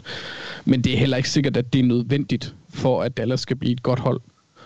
Øhm, men altså, jeg, jeg er spændt på at se, hvad han kan bidrage med i en iteration, som vi ikke rigtig... Altså, det, jeg, jeg er spændt på at se, hvad han tager med sig. Ja. Øhm, fordi altså, jeg synes, det er svært at basere hans kunde ud fra, at han har været defensiv koordinator for Seattle, da de havde et øh, meget talentfuldt hold, og så et, Falcons forsvar, hvor det var lidt mere sporadisk, hvor der skulle skimes lidt mere. Så hvis han kan finde en middelvej, så kan det jo godt være, at det bliver lidt bedre. Ja, hvor forsvaret først blev bedre, da han gav tøjlerne videre til Raheem Morris. Ja, og det er ikke altså, så godt, det, måske. Det, det, det er en af de ting, der ligesom taler for, at Philips pessimisme måske er fin. Ja. Men altså, jeg har da stadigvæk håb. Jeg, jeg må så sige, jeg, jeg, jeg er lidt i fire omkring Cowboys generelt. Men... Den kan vi tage senere i offseason. Ja. Det var lige er begyndt. Nå, vi bliver faktisk lidt ved defensiv koordinatorsnakken, fordi øh, Jonas Mark, han spørger om Packers nye defensive coordinator er manden, der kan få det gennem snart mange sæsoner halvdelen forsvar op i elite-niveau, og dermed Packers tæt på en Super Bowl. Selvom der ikke lige ved, hvem den nye defensive koordinator er i Green Bay, så hedder han Joe Barry, og han kommer fra et job som assisterende head coach og linebacker coach i Rams. Og så har han uh, to, gang, to omgange tidligere været defensive koordinator i ligaen. Uh, Mark, uh, kan Joe Barry forløse uh, det her forsvar? I hvert fald gøre oh, det lidt skarpere. Ja, ja. Det, det er et godt spørgsmål. Joe Barry er kommet ind, som du siger. Der er pres på fra starten af her. Jeg håber altså, nok med, at han tager altså, noget af det der Brandon Staley-magi med. Ja, ja, jeg kommer ind på det. Jeg synes, det var rigtigt at lade Mike Petten gå, men har de fået fat i den rigtige mand, som Jonas spørger om? Det, det er så spændende. Og indtil vi selvfølgelig ser hans forsvar på banen, så vil alt jo være spekulation. Personligt er jeg ikke fan af den her hyring, og jeg kan godt fortælle hvorfor. Øh, fordi Joe Barry, han er, han hans karriere er lidt en speciel historie, og man må bare sige, at nepotisme, som generelt er meget udpræget for NFL-trænere, det er altså et ord, der dukker op igen og igen, når man kigger ned over hans karriere. Øh, blandt andet gennem hans venskab med Gruden-familien, men nok mest kendt for hans tid i Lions, som du nævnte, hvor han var defensiv koordinator, da head coach Rod Marinelli var, var cheftræner, og det var så samtidig også hans svigerfar på det tidspunkt. Ikke? Um, og så blev han så hyret igen i Washington D.C., øh, da Gruden var der, og det er så de to gange, han har fået chancen som defensiv koordinator. Øh, og der har det altså bare set hårdt ud for ham, begge de gange, han har fået nøglerne til den store bus. Øh, derudover så har han været assistant head coach syv gange, og blandt andet hos Rams, og den titel virker efterhånden til mere at handle om, hvem man kender, og hvor godt man kender dem, frem for en egentlig talent eller indflydelse på holdet. Øh, og man kan sige, det var også som linebacker-træner, øh, at han, altså, at han virkelig har, har trådt igennem, øh, og han arbejdede på samme stab som Matt LeFleur øh, de, hos Rams, og der vi så de her nepotistiske tråde igen. Jeg bliver bare nødt til at sige, at Barry var ikke LaFleurs første valg. Altså det var Jim Leonhardt, som, som er træner i Wisconsin. Han takkede nej. Og jeg frygter lidt for, at det her det er en hyring, der er blevet lavet, som afspejler lidt et øh, i en sikkert valg. Altså en god ven med en masse erfaring, der kan træde til.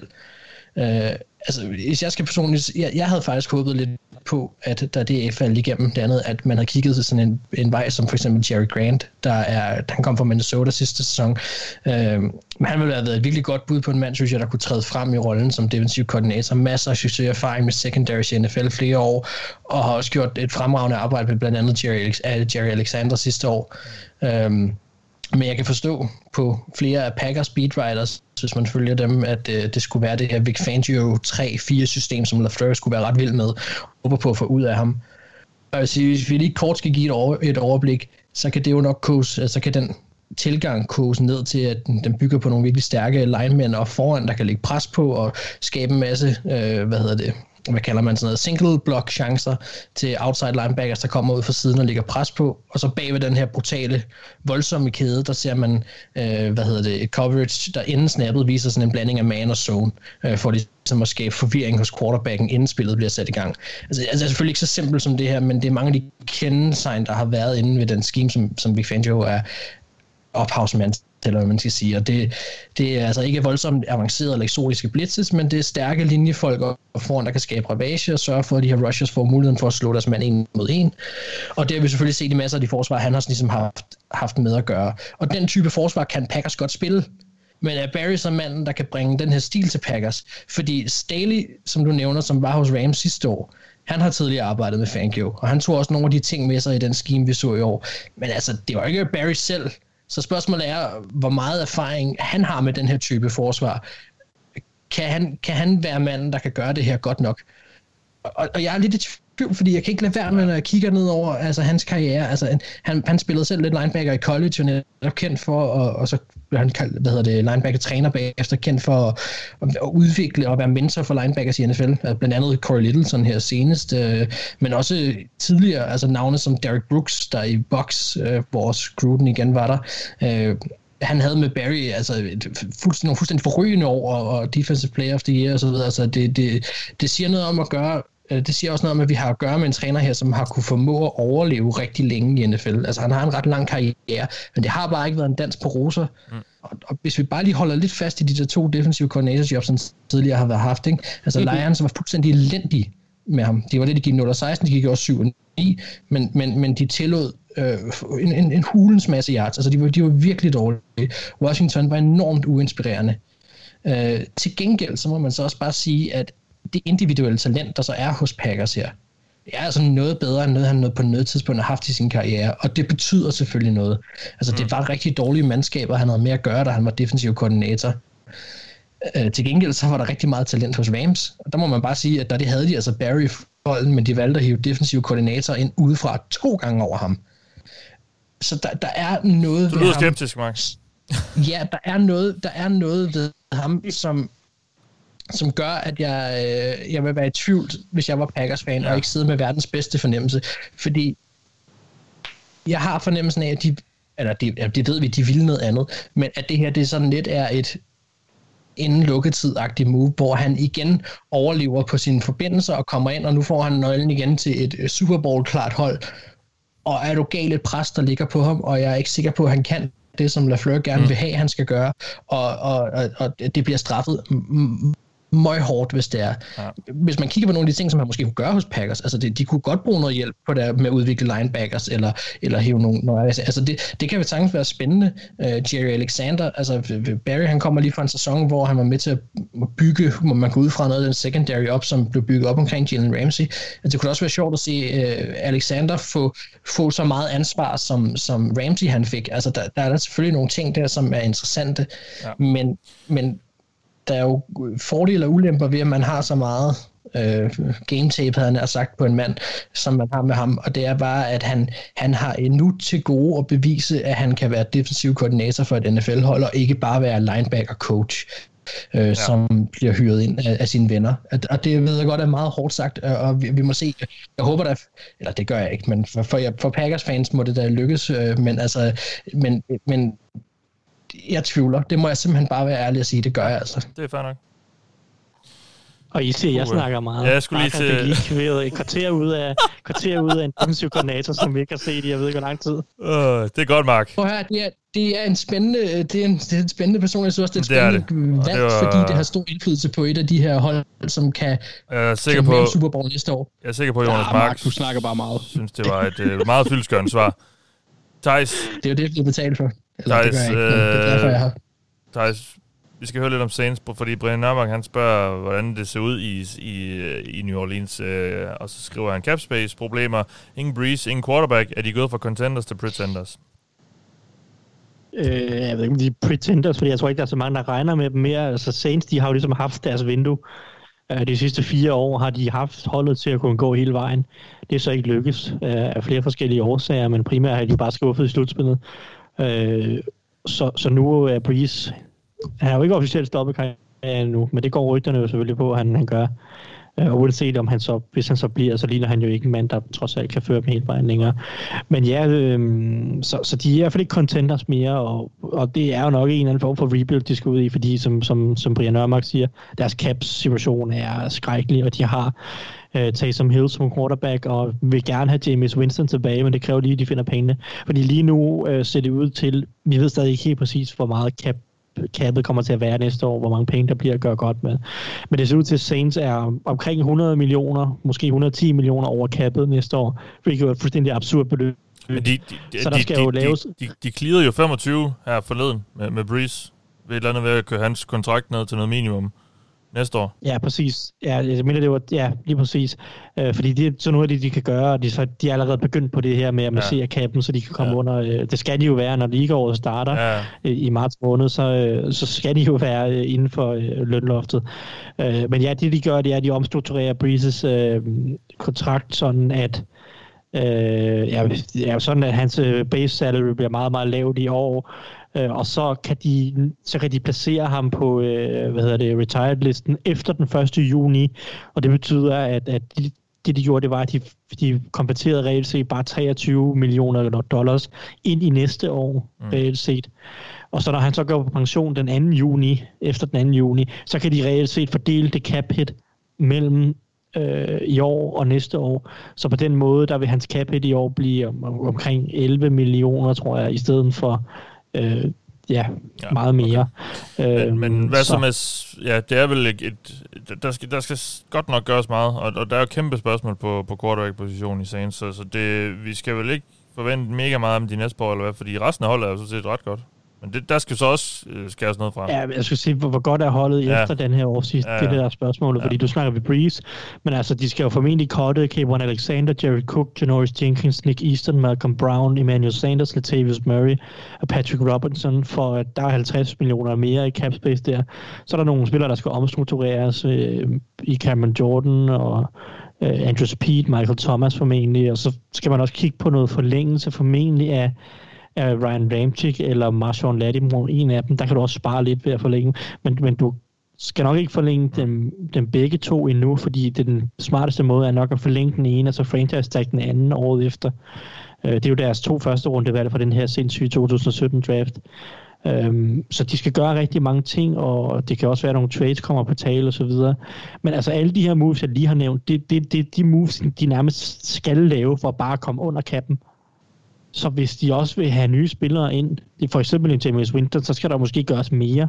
Altså flere omstruktureringer, eller øh, anden, øh, flere cuts måske. Øh, så, så det er jo ja, et talentfuldt hold, men også et hold, der har mange free agents nu her, hvor de ikke har penge til at beholde ret mange af dem. Øh, som udgangspunkt i hvert fald. Så altså, der, må, der er nogle spillere, der forsvinder her. Hvad med en Marcus Williams, deres sindssygt dygtige safety, free safety? Ham, ham tror jeg ikke, de kan beholde. Ham tror jeg, de er nødt til at lade gå. Det er virkelig en dygtig spiller at miste nede i bagkæden. Trey Hendrickson havde 13,5-6 år. Han er også free agent. Ham tror jeg heller ikke, de har penge til at forlænge med længere. Øh, så, så, så puha, ikke? Altså, så, så det, er jo, det er jo på forsvarssiden, det mister en to-tre vigtige profiler der, og så på angrebet, der er selvfølgelig også, også nogen, der smutter. Så Saints går ind i et rebuild nu her. De skal ud af deres cap-helvede. Mm. De, har, de har skubbet rigtig mange penge ud i fremtiden for hele tiden at optimere deres trup i sidste fire år. Gået all in hver eneste år. Og, og, og nu, hvor Breeze han stopper formentlig, så kulminerer det lidt i, at, at de er i en, en elendig cap-situation. Og, og så må de starte forfra, og det betyder nok, at der i år skal ryddes ud i truppen, og så kigger man fra 2022 og fremad. Yes. Vi, vi kører lige det samme rille her med Chiefs, øh, Anders, fordi Mads Samer, han spørger, hvordan Chiefs-situationen, hvordan ser Chiefs-situationen ud nu? Og jeg ved ikke helt, hvad han refererer til præcis, men så følger han op med at skrive deres cap, free agency og så videre taget betragtning. Øh, cap-situationen kan man jo slå op, og det er jo meget på nettet at se helt præcis, hvordan det ser ud. Så, så, det, så, så det kan man jo se. Men, og vi har også snakket lidt om Chiefs, men jeg ved ikke, om du har mere tilføje, Anders, til, til Chiefs, og hvordan vi synes, deres situation. Jeg synes jo ikke, øh, der er nogen rød alarm Nej, øh, det synes jeg heller ikke. Altså lige nu står de til at være 17 millioner over cap næste år, øh, afhængig af, hvad det bliver. Det er jo ikke, som Tyson sagde, så det er ikke afgjort endnu. Øh, de har ikke, altså det er ikke øh, stjerner, de mister på free agents øh, i forhold til free agency. Der er det Sammy Watkins, der er den største, og så ellers er det øh, Dirty Dan og Alex Okafor, der er de næste næste sådan vigtige spiller. Jeg vil også sige måske Austin Ryder øh, på center, øh, men han gjorde det jo heller ikke forfærdeligt godt i år. Han blev også bænket i løbet af sæsonen. Så det, jeg, vil, jeg vil ikke sige, at det skulle hæmme dem i, Nej. på nogen måde i forhold til deres fremtid. Og der er spillere øh, på holdet, som kan, hvor de kan rekonstruere, restrukturere, hedder det, øh, nogle kontrakter Blandt andet Frank Clark øh, kan, kan gøre. Han, han er den, der har det højeste cap hit på deres øh, roster næste år. Øhm, så der er mulighed for at manøvrere, sådan at de også godt kan komme ud og tilføje nogle, nogle spillere på nogle positioner. Ja, godt. Jamen, øh, vi går så videre. Fint. Den, ja, den ser fin ud. Uh, det er sådan set, giver ret i. Uh, vi går videre til spørgsmål om Rams. Det er Magnus Christiansen, der spørger om det. Han vil gerne høre vores take på Ramses front office strategi. Han synes øh, ofte det bliver snakket som øh, synes ofte det bliver snakket om som en win now strategi, men kunne det reelt set ikke også bare være, at de ikke tillægger første rundevalg lige så meget værdi som andre klubber, og hellere vil have det kendte end det ukendte? Magnus, jeg tror egentlig, hvis du ikke allerede har gjort det, jeg vil henvise dig til vores snak i sidste uge, hvor vi øh, jo vente Rams, eller ja, Ramses trade for øh, Matthew Stafford, fordi der snakker vi rigtig meget om det, men Mark, er der, har du noget at tilføje til, til det? Fordi jeg synes, vi er kommet ret godt om det dengang, men, øh, men, men og jeg er jo sådan set, jeg, og vi snakker også om sidste gang, jeg synes jo, det er rigtig sjovt, øh, i hvert fald som, som objektiv udefra scene, at se, hvad de har gang i, fordi det er meget anderledes, end hvad resten af ligaen gør, øh, det Rams gør, og hvordan de, de behandler de her første rundevalg. Men hvad, hvad, hvad synes du? Mm, jo, jamen altså, det, det er jeg jo enig i. Altså, jeg, jeg er som objektiv NFL-fan rigtig stor fan af det projekt, de har gang i. Det er så sjovt, fordi når du så spørger mig, så kommer jeg af en, en, en, en total modsat skole, end, end hvad de foretager sig lige nu. Ja. Øh, men, men også dermed sagt, er det jo måske også ret sjovt at se. Øh, jeg vil så sige, jeg kan, jeg kan dog godt se øh, nogle steder, hvor at, at vores øh, tankegang kan, kan, kan, hvad kan man sige, forenes, fordi jeg er med så langt, at når vi går forbi anden runde, ja, lad os måske sige tredje, så begynder den der hit and miss leg, altså virkelig for alvor i draften. Og der er jeg klart fan af kvantitet. Øh, og det skal forstås på den måde, at jeg vil hellere have to skud i femte runde end et i fjerde. Øh, og i år, der virker det til, at Rams de ligger til at få en del i tredje, hvis, der, hvis de får de compensatory picks, som de ligger til. Øh, og, og, og, så kan man sige, så, så, så får de jo i hvert fald ja, så får de spillere, som han også nævner, så får de proven talent, i stedet for at bruge første rundevalg. De betaler dyrt for dem, de er etableret, og så skal de så satse på at kunne bygge med flere picks i, i de her runder, der er lidt mm. mere sådan hit and miss. Uh, men altså, jeg vil sige, som, som jeg selv, som jeg også sagde, da vi, da vi snakkede om det sidste, jeg tror, det fungerer, så længe McVay har, har fingeren på pulsen og er trendsetteren, som han er i dag, og, og bliver ved med at kunne bygge et personel op, i, i øh, både på banen, men sådan set også trænere, der, der maksimerer de her spillere, fordi det er det, der fungerer for dem lige nu. Jeg, jeg, det, det, jeg har svært ved at se, hvad der sker for dem, hvis, hvis, hvis det er, at de lige pludselig rammer meget ved siden af i draften, eller altså fordi man bliver bare nødt til, selvom at de har fat i noget her lige nu, med at man skal have fat i de her stjerner på nøglepositioner, som de har. De har en, en, en stjerne på alle nøglepositioner nærmest lige nu i den moderne NFL. men, man tænker, der skal en skade til, eller der skal, øh, øh, der, der skal mangle dybde en gang, altså, så, så, så kan jeg også godt se dem begynde at få problemer. Øh, men så længe det kører, så kører det, og det, det er måske det, der er overskriften for, for ja. deres projekt lige nu. Ja. Men igen, Magnus, gå tilbage og høre, vi havde en, lang, vi havde jo en, en længere snak om, om hele Stafford-situationen der, hvad vi synes om den måde at, at bygge et hold op på, og så videre, så der kan man jo lige genlytte det, hvis man allerede har hørt det. Øh, når Martin Smedegaard, han vil gerne høre os omkring, hvad Fort Niners skal gøre i den offseason for at komme tilbage til slutspillet, og også hvad Robert Sarlis afgang kommer til at betyde for deres defense. Thijs? Ja, yeah. man kan sige, det med Robert Sarlis afgang betyder, øh, betyder nok noget, men jeg ved ikke, om det betyder alverden, fordi selve systemet skal jo nok blive kørt videre, og, og de Miko Ryans, som overtager, øh, er vist også ret vældig i, i truppen. Så jeg tror egentlig, at, at I ikke, jeg tror ikke, Robert Sarlis afsked kommer til at betyde helt vildt meget, trods alt. Men øh, når det er sagt, øh, hvad skal for Niners gøre den her offseason? Øh, der er jo to veje. Enten så, enten så går de aggressivt efter at finde en fremtidens mand på quarterback. Fordi det er jo ikke fordi, de ikke kan gå langt med Jimmy G. Det har de jo vist før. Men det virker jo ikke som... Øh, det virker ikke som om, at de, altså Garoppolo han er en mand, som Carl Shanahan har lyst til at satse på de næste fem år.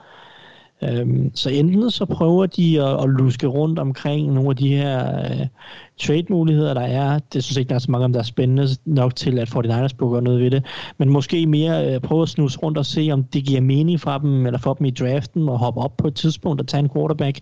De drafter som nummer 12, så hvis der er en quarterback, der begynder at falde uden for top 5, som jeg også snakker om før, så var 49ers et andet bud, der måske kunne gå ind og prøve at kigge på det. Det er sådan den ene måde, de kan prøve at bygge deres hold op, fordi så kigger vi mere langsigtet, så, så, så kigger vi måske ikke så meget på 2021 i forhold til at optimere det hold, men så kigger vi på at optimere holdet fra øh, altså de næste 10 år. Den anden alternativ er selvfølgelig, at, at okay, hvordan optimerer vi 2021-holdet rundt omkring Jimmy Garoppolo? Defensivt, så kommer der jo mange spillere tilbage fra skader, og det hjælper jo helt sikkert rigtig meget. Øh, ellers så skal man jo nok kigge på øh, deres secondary, øh, og så øh, investere lidt i den defensive linje igen, så vi kan prøve at se, om vi kan ramme 2019-niveauet, eller noget, der minder om nu, hvor man ikke har Bogner længere. Øh, og så vil jeg sige, offensivt, så er der nok brug for noget på den offensive linje, som, som var lidt øh, svingende og ikke, ikke helt fantastisk i, i 20 i, i 2020. Tænker jeg, så synes jeg jo, at de fik sådan nogenlunde styr på deres uh, receivergruppe. Brandon Ayuk, han så rigtig, do, rigtig god ud i anden halvdel af sæsonen. Så har man ham og Debo Samuel, George Kittle osv. Så, så er der nok våben at arbejde med til, at jeg ikke synes, det bør være en høj prioritet. Så jeg synes, der er to veje at gå. Enten så går man quarterback, eller så går man ind og kigger på nogle af, af svaghederne, som var på holdet sidste år, som var cornerback, øh, måske lidt til den defensive linje, og så ellers offensiv linje. Det er nok de tre positioner, jeg vil prioritere højst, øh, hvis man ikke vælger at, at, finde sig en, en ung quarterback og, at lege med. Modtaget. Jamen, øh, jeg tror, det bliver... Øh, det, for Niners er altid spændende her hvor Carl Shannon er der, fordi man føler sådan lidt, der skal ikke så mega meget til. Altså, hvis de bare havde undgået det der hav af skader sidste år, tror jeg, kunne det måske godt have blevet til noget rigtig spændende også igen. Uh, ja, så, helt, helt sikkert. Der skal ikke så meget til for at vende tilbage til slutspillet, som, det. som Martin nævner. Det, så meget skal der ikke til. Altså, Nej. det er bare for Bosa tilbage, for Garoppolo skadesfri, ja. og, og så allerede der er de jo øh, et stærke bejlere til slutspillet. Ja, det det. Så er der selvfølgelig ting, der kan forbedres gennem free agency og draften, men altså, de, de, er, de er et godt hold. Ja, ingen tvivl om det. Og tænk så, hvis de rent faktisk fik en god en rigtig god quarterback, øh, så kunne det jo blive meget, meget spændende, tror jeg. Øh, nå, vi, vi hopper videre til næste kategori, som egentlig bare hedder diverse. Fordi det stikker sådan lidt i forskellige retninger. Og øh, det første spørgsmål, det kommer fra Michael Leon Christensen. Han vil gerne høre vores mening om syv hold i playoffs.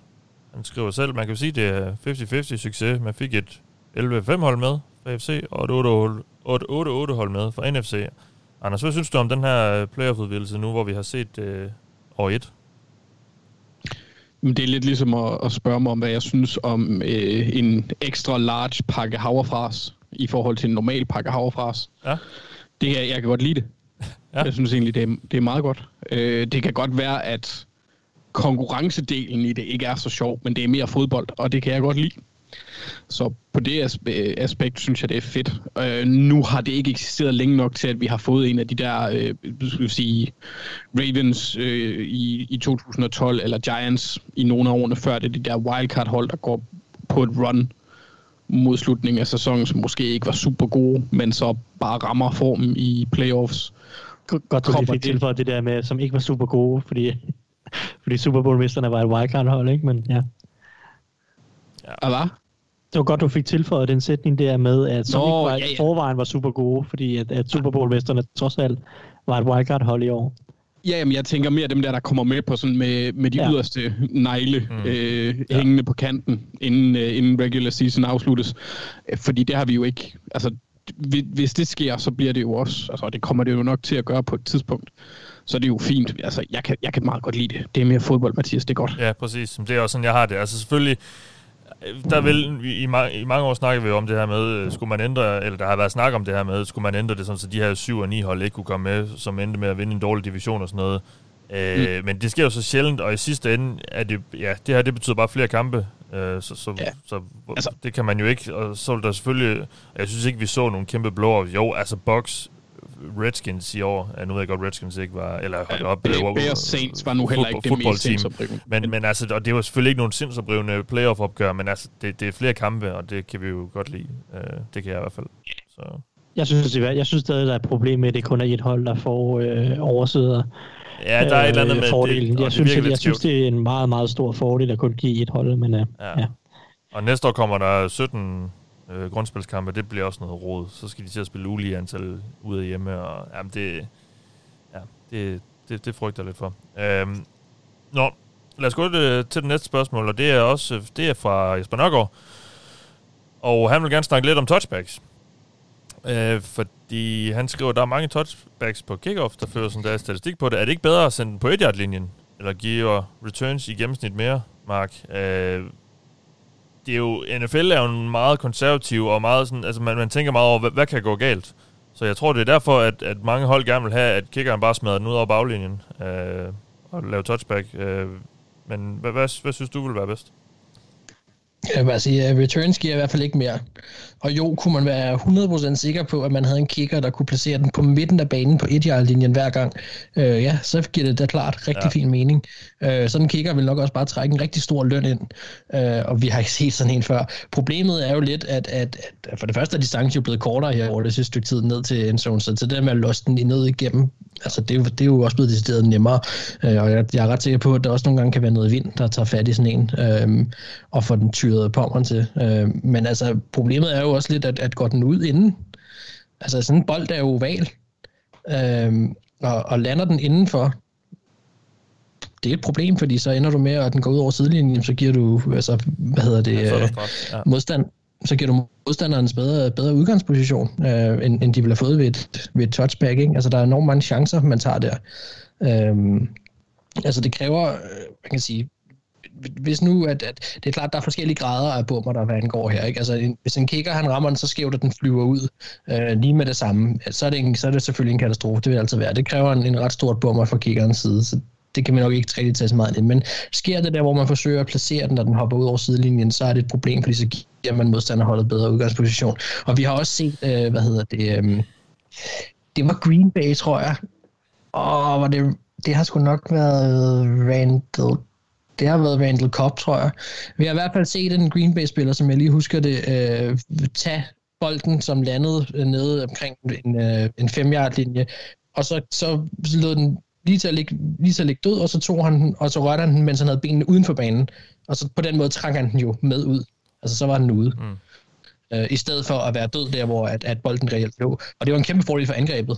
Og jeg kan bare huske, at at Rodgers gik og smilede bagefter. Det var jo lige efter hans bog, at man udnytter reglerne på den måde.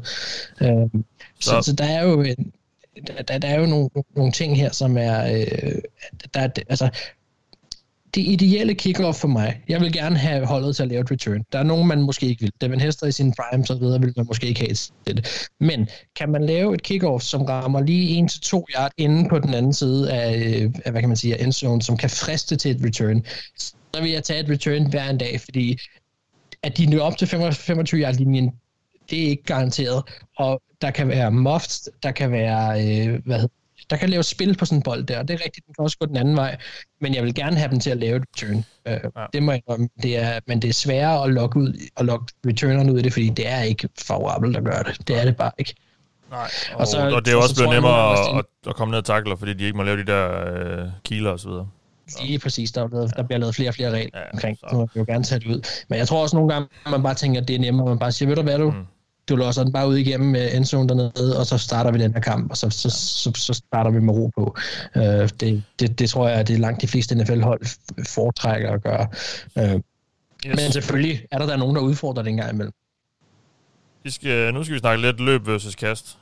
Og det er også Jesper Nørgaard. Han, øh, han spørger, om vi generelt er modstandere af løb. Thijs. Det er vi jo ikke. Nej. Det er vi Nej. ikke. Men problemet er bare, at rigtig mange ikke gør det særlig godt. Og så bliver det noget værre ineffektivt noget. Og man skal også løbe på de rigtige tidspunkter. Ja. Øh, hvis, altså, der er forskel på at løbe. Altså på første down er 10, Ja. er jeg ikke fan af at løbe den ret meget. Nej. På tredje down er 1, der er jeg kæmpe fan af at løbe den rigtig meget. Ja. Men, men det er godt, vi får Så- det her så det jo- spørgsmål, fordi der er mange, der misforstår vores øh, snak om running backs, don't matter, og, og vores modstand mod løb osv., som om, at vi synes slet ikke, man skal løbe. Og, og at folk, eller at hold slet ikke bør gøre det. Og det passer, og det er det jo ikke. Altså, vores, vores, vi opponerer bare imod, at man gør det rigtig, rigtig meget, og bliver ved med at gøre det, selvom det ikke er særlig effektivt. Og han, han spørger os ind til det her med at etablere løbet, om hvad vi siger til den præmis. Og, og, fordi at det skulle åbne for play action og så videre. Og det er der jo simpelthen bare lavet undersøgelser, der viser, at det gør det ikke. Du kan løbe bolden en gang, og så får du lige så nemt ved at, at kaste på play action, som du gør, hvis du løber den 20 gange, inden du, du gør det. Så, så ja. Nå, værsgo. Du, du kan lige sige lidt mere, måske. Ja, du har allerede sagt meget af det. Ja. Altså, undersøgelser viser, at play action er effektivt, uanset hvor mange gange du har løbet bolden. Øh, øh, play action er også, øh, øh, hvad hedder det, løbespillet bliver ikke som udgangspunkt effektivt, jo flere gange du har løbet bolden. Altså, det der med, at øh, vi skal løbe forsvaret mørt, der er ikke ja. noget statistisk belæg for, at det virker. Det kan godt være, at det virker i nogle kampe, øh, men, men, men der er ikke noget statistisk belæg for, at det virker sådan overordnet set. Det kan ikke være en strategi, du bare kan sige, sådan skal det altid være. Øh, altså, fordi det, det er der ikke noget, altså, der er ikke nogen grund til at, at gå og tro, fordi i nogle kampe det virker okay, men andre kampe, der er lige så mange andre kampe, hvor det ikke vil virke, hvor det måske vil have den omvendte effekt. Øh, så så, så det, det vi siger, det er bare at optimere dit angreb. Gør det, der er mest effektivt. Og det er jo bare typisk at kaste bolden mere, end, end mange hold gør lige nu. Især på første og anden down.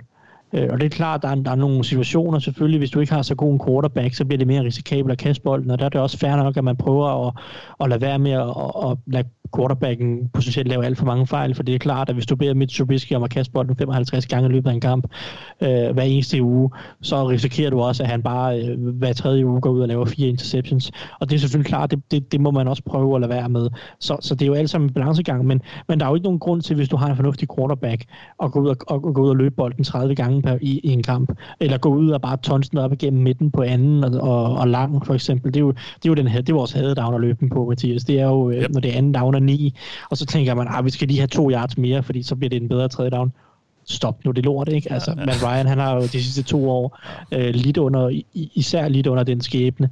Øh, så, så, altså, det vi siger, det er bare, løb med bolden klogt. Ja, det er meget mere effektivt generelt set at kaste bolden.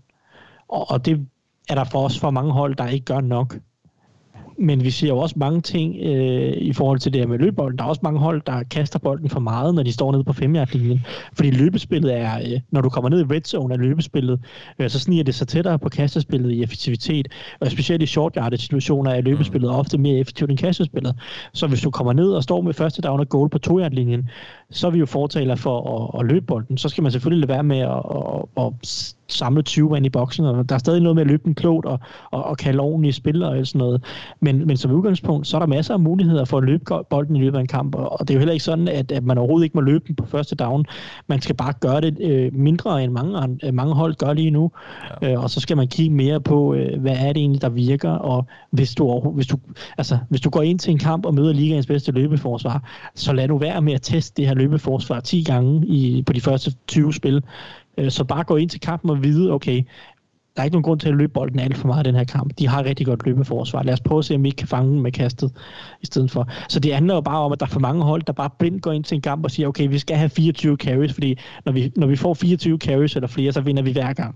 Og, og, og det er jo bare en, en håbløs tankegang, ja. mentalitet. Øhm, så altså, man må gerne løbe bolden. Øh, nogle running backs betyder også noget, øh, uden tvivl. Øh, de betyder måske ikke lige så meget som en quarterback, selvfølgelig ikke. Øh, de betyder måske heller ikke lige så meget som en, en god receiver. Men altså, David Henry, når han løber for 200 yards, øh, hver gang han møder Texans, så betyder han selvfølgelig noget. Øh, når Camara han griber for 100 yards og løber for 85 yards og har på touchdowns, så betyder han selvfølgelig noget. Han betyder ikke lige så meget som Drew Brees øh, og så videre, men altså, det, det handler jo bare om, at man skal tænke sig lidt mere om, end mange NFL-hold gør. Ja. Og så øh, er vi jo fortalere for altid at bruge play-action. Altså play-action mm. er altid effektivt. Ja. Øh, der er selvfølgelig situationer og så videre, hvor det ikke giver mening, og hvad ved jeg. Men play-action er som udgangspunkt altid mere effektivt end ikke play-action-kast. Det er, det, det er der alle al mulige statistiske bevis på. Og play-action øh, vi har ikke ramt det niveau endnu for play-action, hvor vi siger, okay, nu begynder det at aftage effektivitet. Så der er mange af de her hold, som nu snakkede vi om Box, der kastede bolden med play-action op på 50% af gangene i Super Bowl. Der er mange hold, som vil som burde kaste bolden 50% af gangene via play-action. Ja. Øhm, helt normalt, altså i, i alle kampe, så at sige. Tak for det. Må jeg ikke lige hurtigt sige noget? Jo, så skal det være hurtigt. Hurt, hurtigt? Ja, lidt hurtigt så.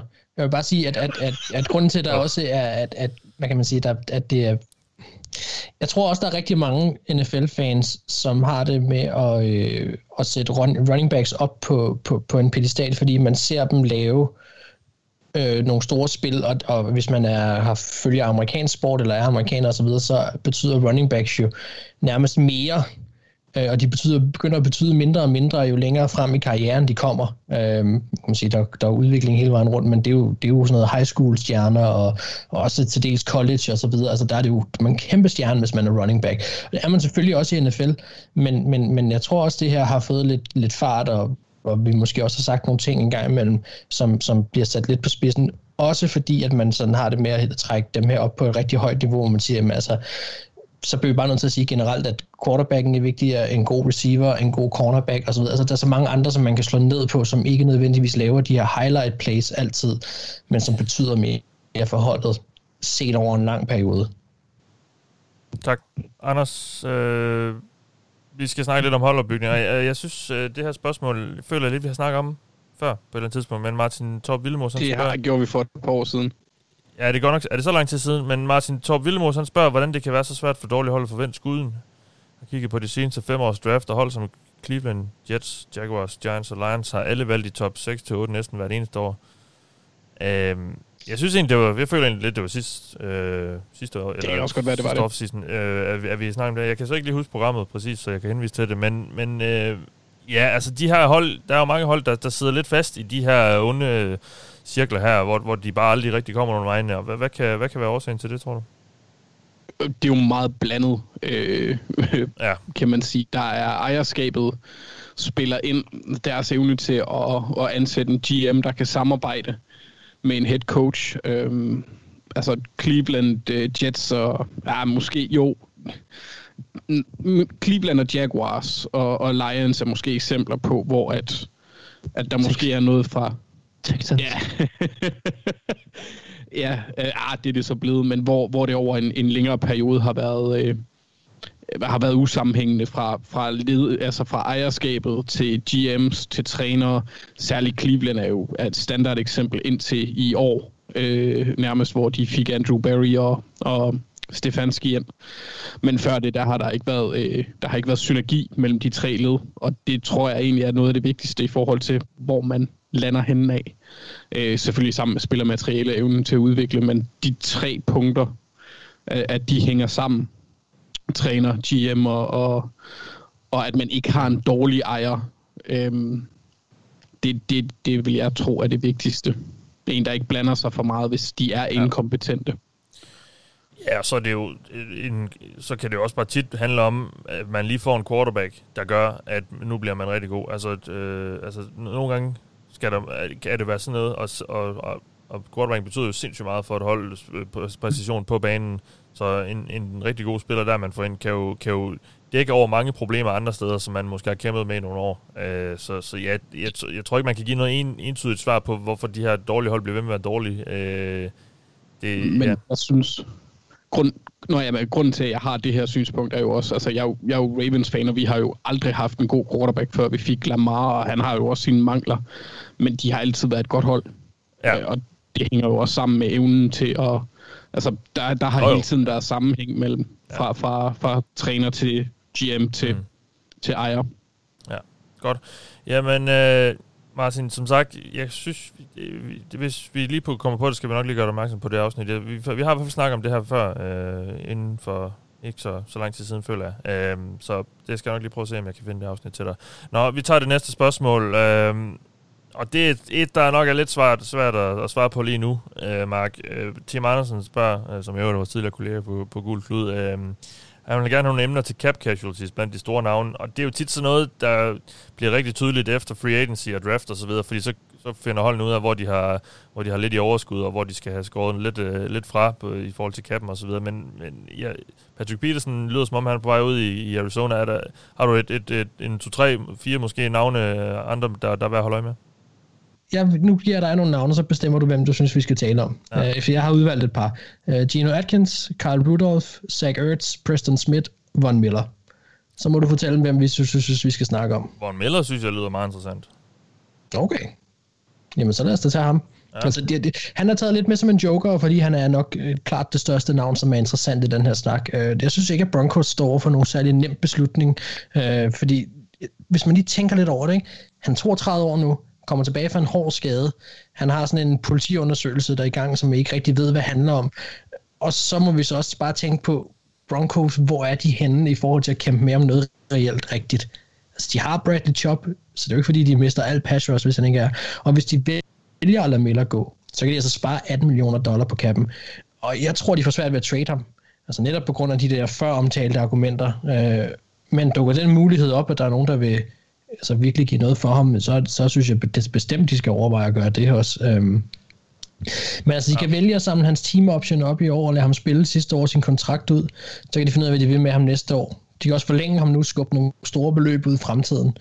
Øh, men for mig er spørgsmålet lidt, om Broncos ikke er et sted, hvor at de skal spørge sig selv, om de har råd til at have de her halvdyre veteraner. Skal de reelt ind og gøre en forskel for holdet lige nu? Fordi man kan også bare nøjes med at cut spillere som AJ Bowie og Drill Casey, og så lade Miller og Kareem Jackson for eksempel smutte næste år. Men Denver er et sted lige nu, hvor de også overvejer måske at splitte det hele ad, øh, og se om de kan skabe noget øh, ungt og bygge, bygge hvad det, en, en, en ung stamme op øh, omkring de her øh, hvad hedder det, rookies. Og der, der behøver de nødvendigvis ikke de her, øh, hvad kan man sige, veteraner lige nu. Uh, de, det, det får de selvfølgelig brug for på et andet tidspunkt. Der er det klart, at det, det er et fuldstændig spæd den NFL-hold for, for, for svært ved at komme nogen vejen, og der er fan af, at man har øh, veteraner på det tidspunkt, men, men jeg synes, han er sjov at tage op, og, og, og, og der bliver spekuleret i det her.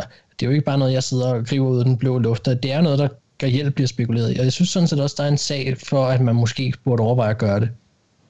Ja, okay, spændende. Jamen, øh, som sagt, så, så er det jo noget, der tit bliver sådan lidt mere tydeligt, når, når vi kommer længere hen i offseason og så videre. Så vi kan holde øje med det der, og så kan vi tage snakken, når de kommer, fordi der kommer hele tiden til at være nogen, og jeg tror jo, at du har ret med Gino Atkins. Det alt tyder på, at han er på vej ud i Cincinnati i hvert fald. Øh, det er i hvert fald... AJ Green vil også. Ja, ja, absolut. Men hans kontrakt udløber jo. Så. Ah, okay, jeg troede ja. faktisk, at han havde, havde, han havde et år mere. Nej, han spillede ja. på tagget sidste år. Så. Det er selvfølgelig rigtigt. Vi tager lige det sidste spørgsmål her, og det går til dig, Thijs. Det er Victor Severin Gram, der vil gerne høre vores refleksioner på Eric Bieniemy. Uh, og så fortsætter han, Victor. Han har jo været et utroligt varmt navn til et head coach job, men det er ikke andet. Chiefs' offensiv var jo uh, ikke mødt op i Super Bowl, skriver han. Så hvor står han nu? Jamen, han står i hvert fald der, hvor han ikke kan få et head coach job i år. Uh, men hvad, hvad, hvad tænker vi om hele den proces? Han, er, han har været, ja, som også han skriver, et, et varmt navn i, i et par år nu, Eric Bieniemy, uh, offensiv koordinator i Chiefs. Uh, hvor, hvorfor, hvorfor tror du ikke, han er blevet ansat? Øh, ja, men jeg kan ikke udelukke noget jo egentlig. Altså, det, er jo, det, det er bestemt påfaldende, fordi der bliver ansat så mange andre, øh, både uerfarne og halvtvivlsomme typer, som, som head coaches rundt omkring. Men altså, man må sige, altså mit bedste bud på, at han ikke bliver ansat, det er hans historik. Øh, han har nogle dårlige sager med sig, lad os sige det sådan. Både fra hans spilletid i NFL, hvor han fik... Øh, hvor han var, jeg mener, han, han fik en mindre øh, eller i hvert fald var involveret i nogle slagsmål. Øh, da han var i ligaen. Han har også et par DUI's, altså noget, noget spritkørsel øh, tilbage i sin, i sin fortid. Så han også været, øh, da han var træner hos Colorado i starten af det her 1000, var han også involveret i, i en sag, han var, jeg ved ikke, om han var involveret, men han var i hvert fald på den trænerstab, som efter sine skulle have øh, dækket lidt for meget over nogle spillere, der øh, skulle have begået øh, forskellige seksuelle overgreb. Øh, så altså, han, han, har noget, han har noget bagage med sig. Man kan sige, der har ikke været noget øh, problem med ham, eller han har ikke, han har ikke været ude i udføre øh, de sidste 15-20 år, eller noget i den stil. Øh, og der er så mange andre tvivlsomme typer i NFL, ja, jeg tror ikke, de diskvalificerer diskvalificere ham som sådan. Øh, men der, jeg vil gætte på, at der er nogle hold, der i hvert fald fravælger ham på grund af det. Øh, hvorfor resten af ligaen så ikke øh, vil ansætte ham, det ved jeg, det kan jeg simpelthen ikke svare på. Men det er bestemt påfaldende, fordi at han har været en del af det her øh, gode angreb så længe, og han er utrolig vældig i Kansas City, og, og får utrolig mange pæne ord med på vejen af alle spillerne. Og, og ja, det er jo heller ikke, fordi han bare henter uh, Gatorade til Mahomes uh, på sidelinjen. Altså, han har noget at skulle have sagt med det her angreb, og han kan også spille. Uh, jeg, kan, jeg kan ikke helt finde ud af, hvor ofte han gør det, om det kun er red zone, eller hvad det er. Men, men han, han har altså et, et en stor andel i det her Chiefs-angreb. Så, så det, det, og der, som også du siger, der er folk, der bliver ansat for langt mindre. Øh, så det virker lidt mærkeligt. Ja. Jamen, det, det, er, det, er, det er påfaldende, og jeg er ikke sikker på, at der er et entydigt svar på, på det. Øh, men, men altså, ja, det, det, det kommer jo nok på et tidspunkt, vil jeg tro, hvis han fortsætter øh, med at være hos, hos, hos Chiefs. Og det er fint nok, så, så kan Bengals få ham næste år. Hvad siger du? Det er fint, at han ikke får en job, så kan Bengals få ham næste år. Ja, det kan du håbe på. øhm, så, så altså, ja, jeg ved ikke, jeg tror, det kommer på et tidspunkt for ham, og jeg kan ikke lige forklare, hvorfor det ikke lige er sket endnu. Øh, jeg vil ikke sidde og, og trække i rasekortet på det her, fordi det ved jeg simpelthen ikke nok om, om, om, mm. om der kan være noget at, at, at spille der. Noget at spille der. Godt nok. Jamen, så er vi sådan set igennem det. Og der er kun et punkt tilbage på dagsordenen.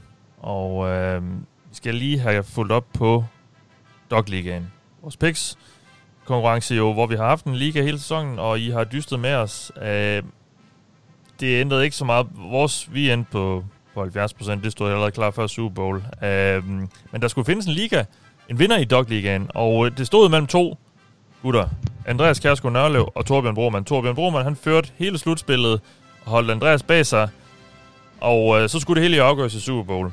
Og der tog øh, Torbjørn øh, Chiefs, og så var Andreas jo lidt tvunget til at tage boks, og det viste sig jo så at være en rigtig god ting for Andreas, fordi han tog jo tog han Tampa Bay, og så endte han med at vinde. Så stort tillykke til Andreas Kjærskov Nørlev. Du har vundet Dog League og øh, ja, 18 er. Det er meget imponerende. Vi sluttede selv på 14. pladsen. Så det synes jeg egentlig også er godkendt øh, i den øverste, ja, hvad bliver det så?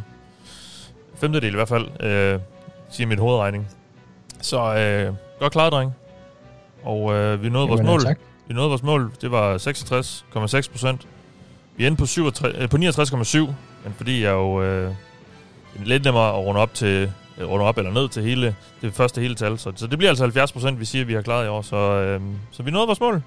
Og øh, jamen, og det var sådan set det sidste hængeparti, vi lige havde på 2020-sæsonen i NFL. Nu hedder det 100% off-season, og øh, der bliver en masse at snakke om.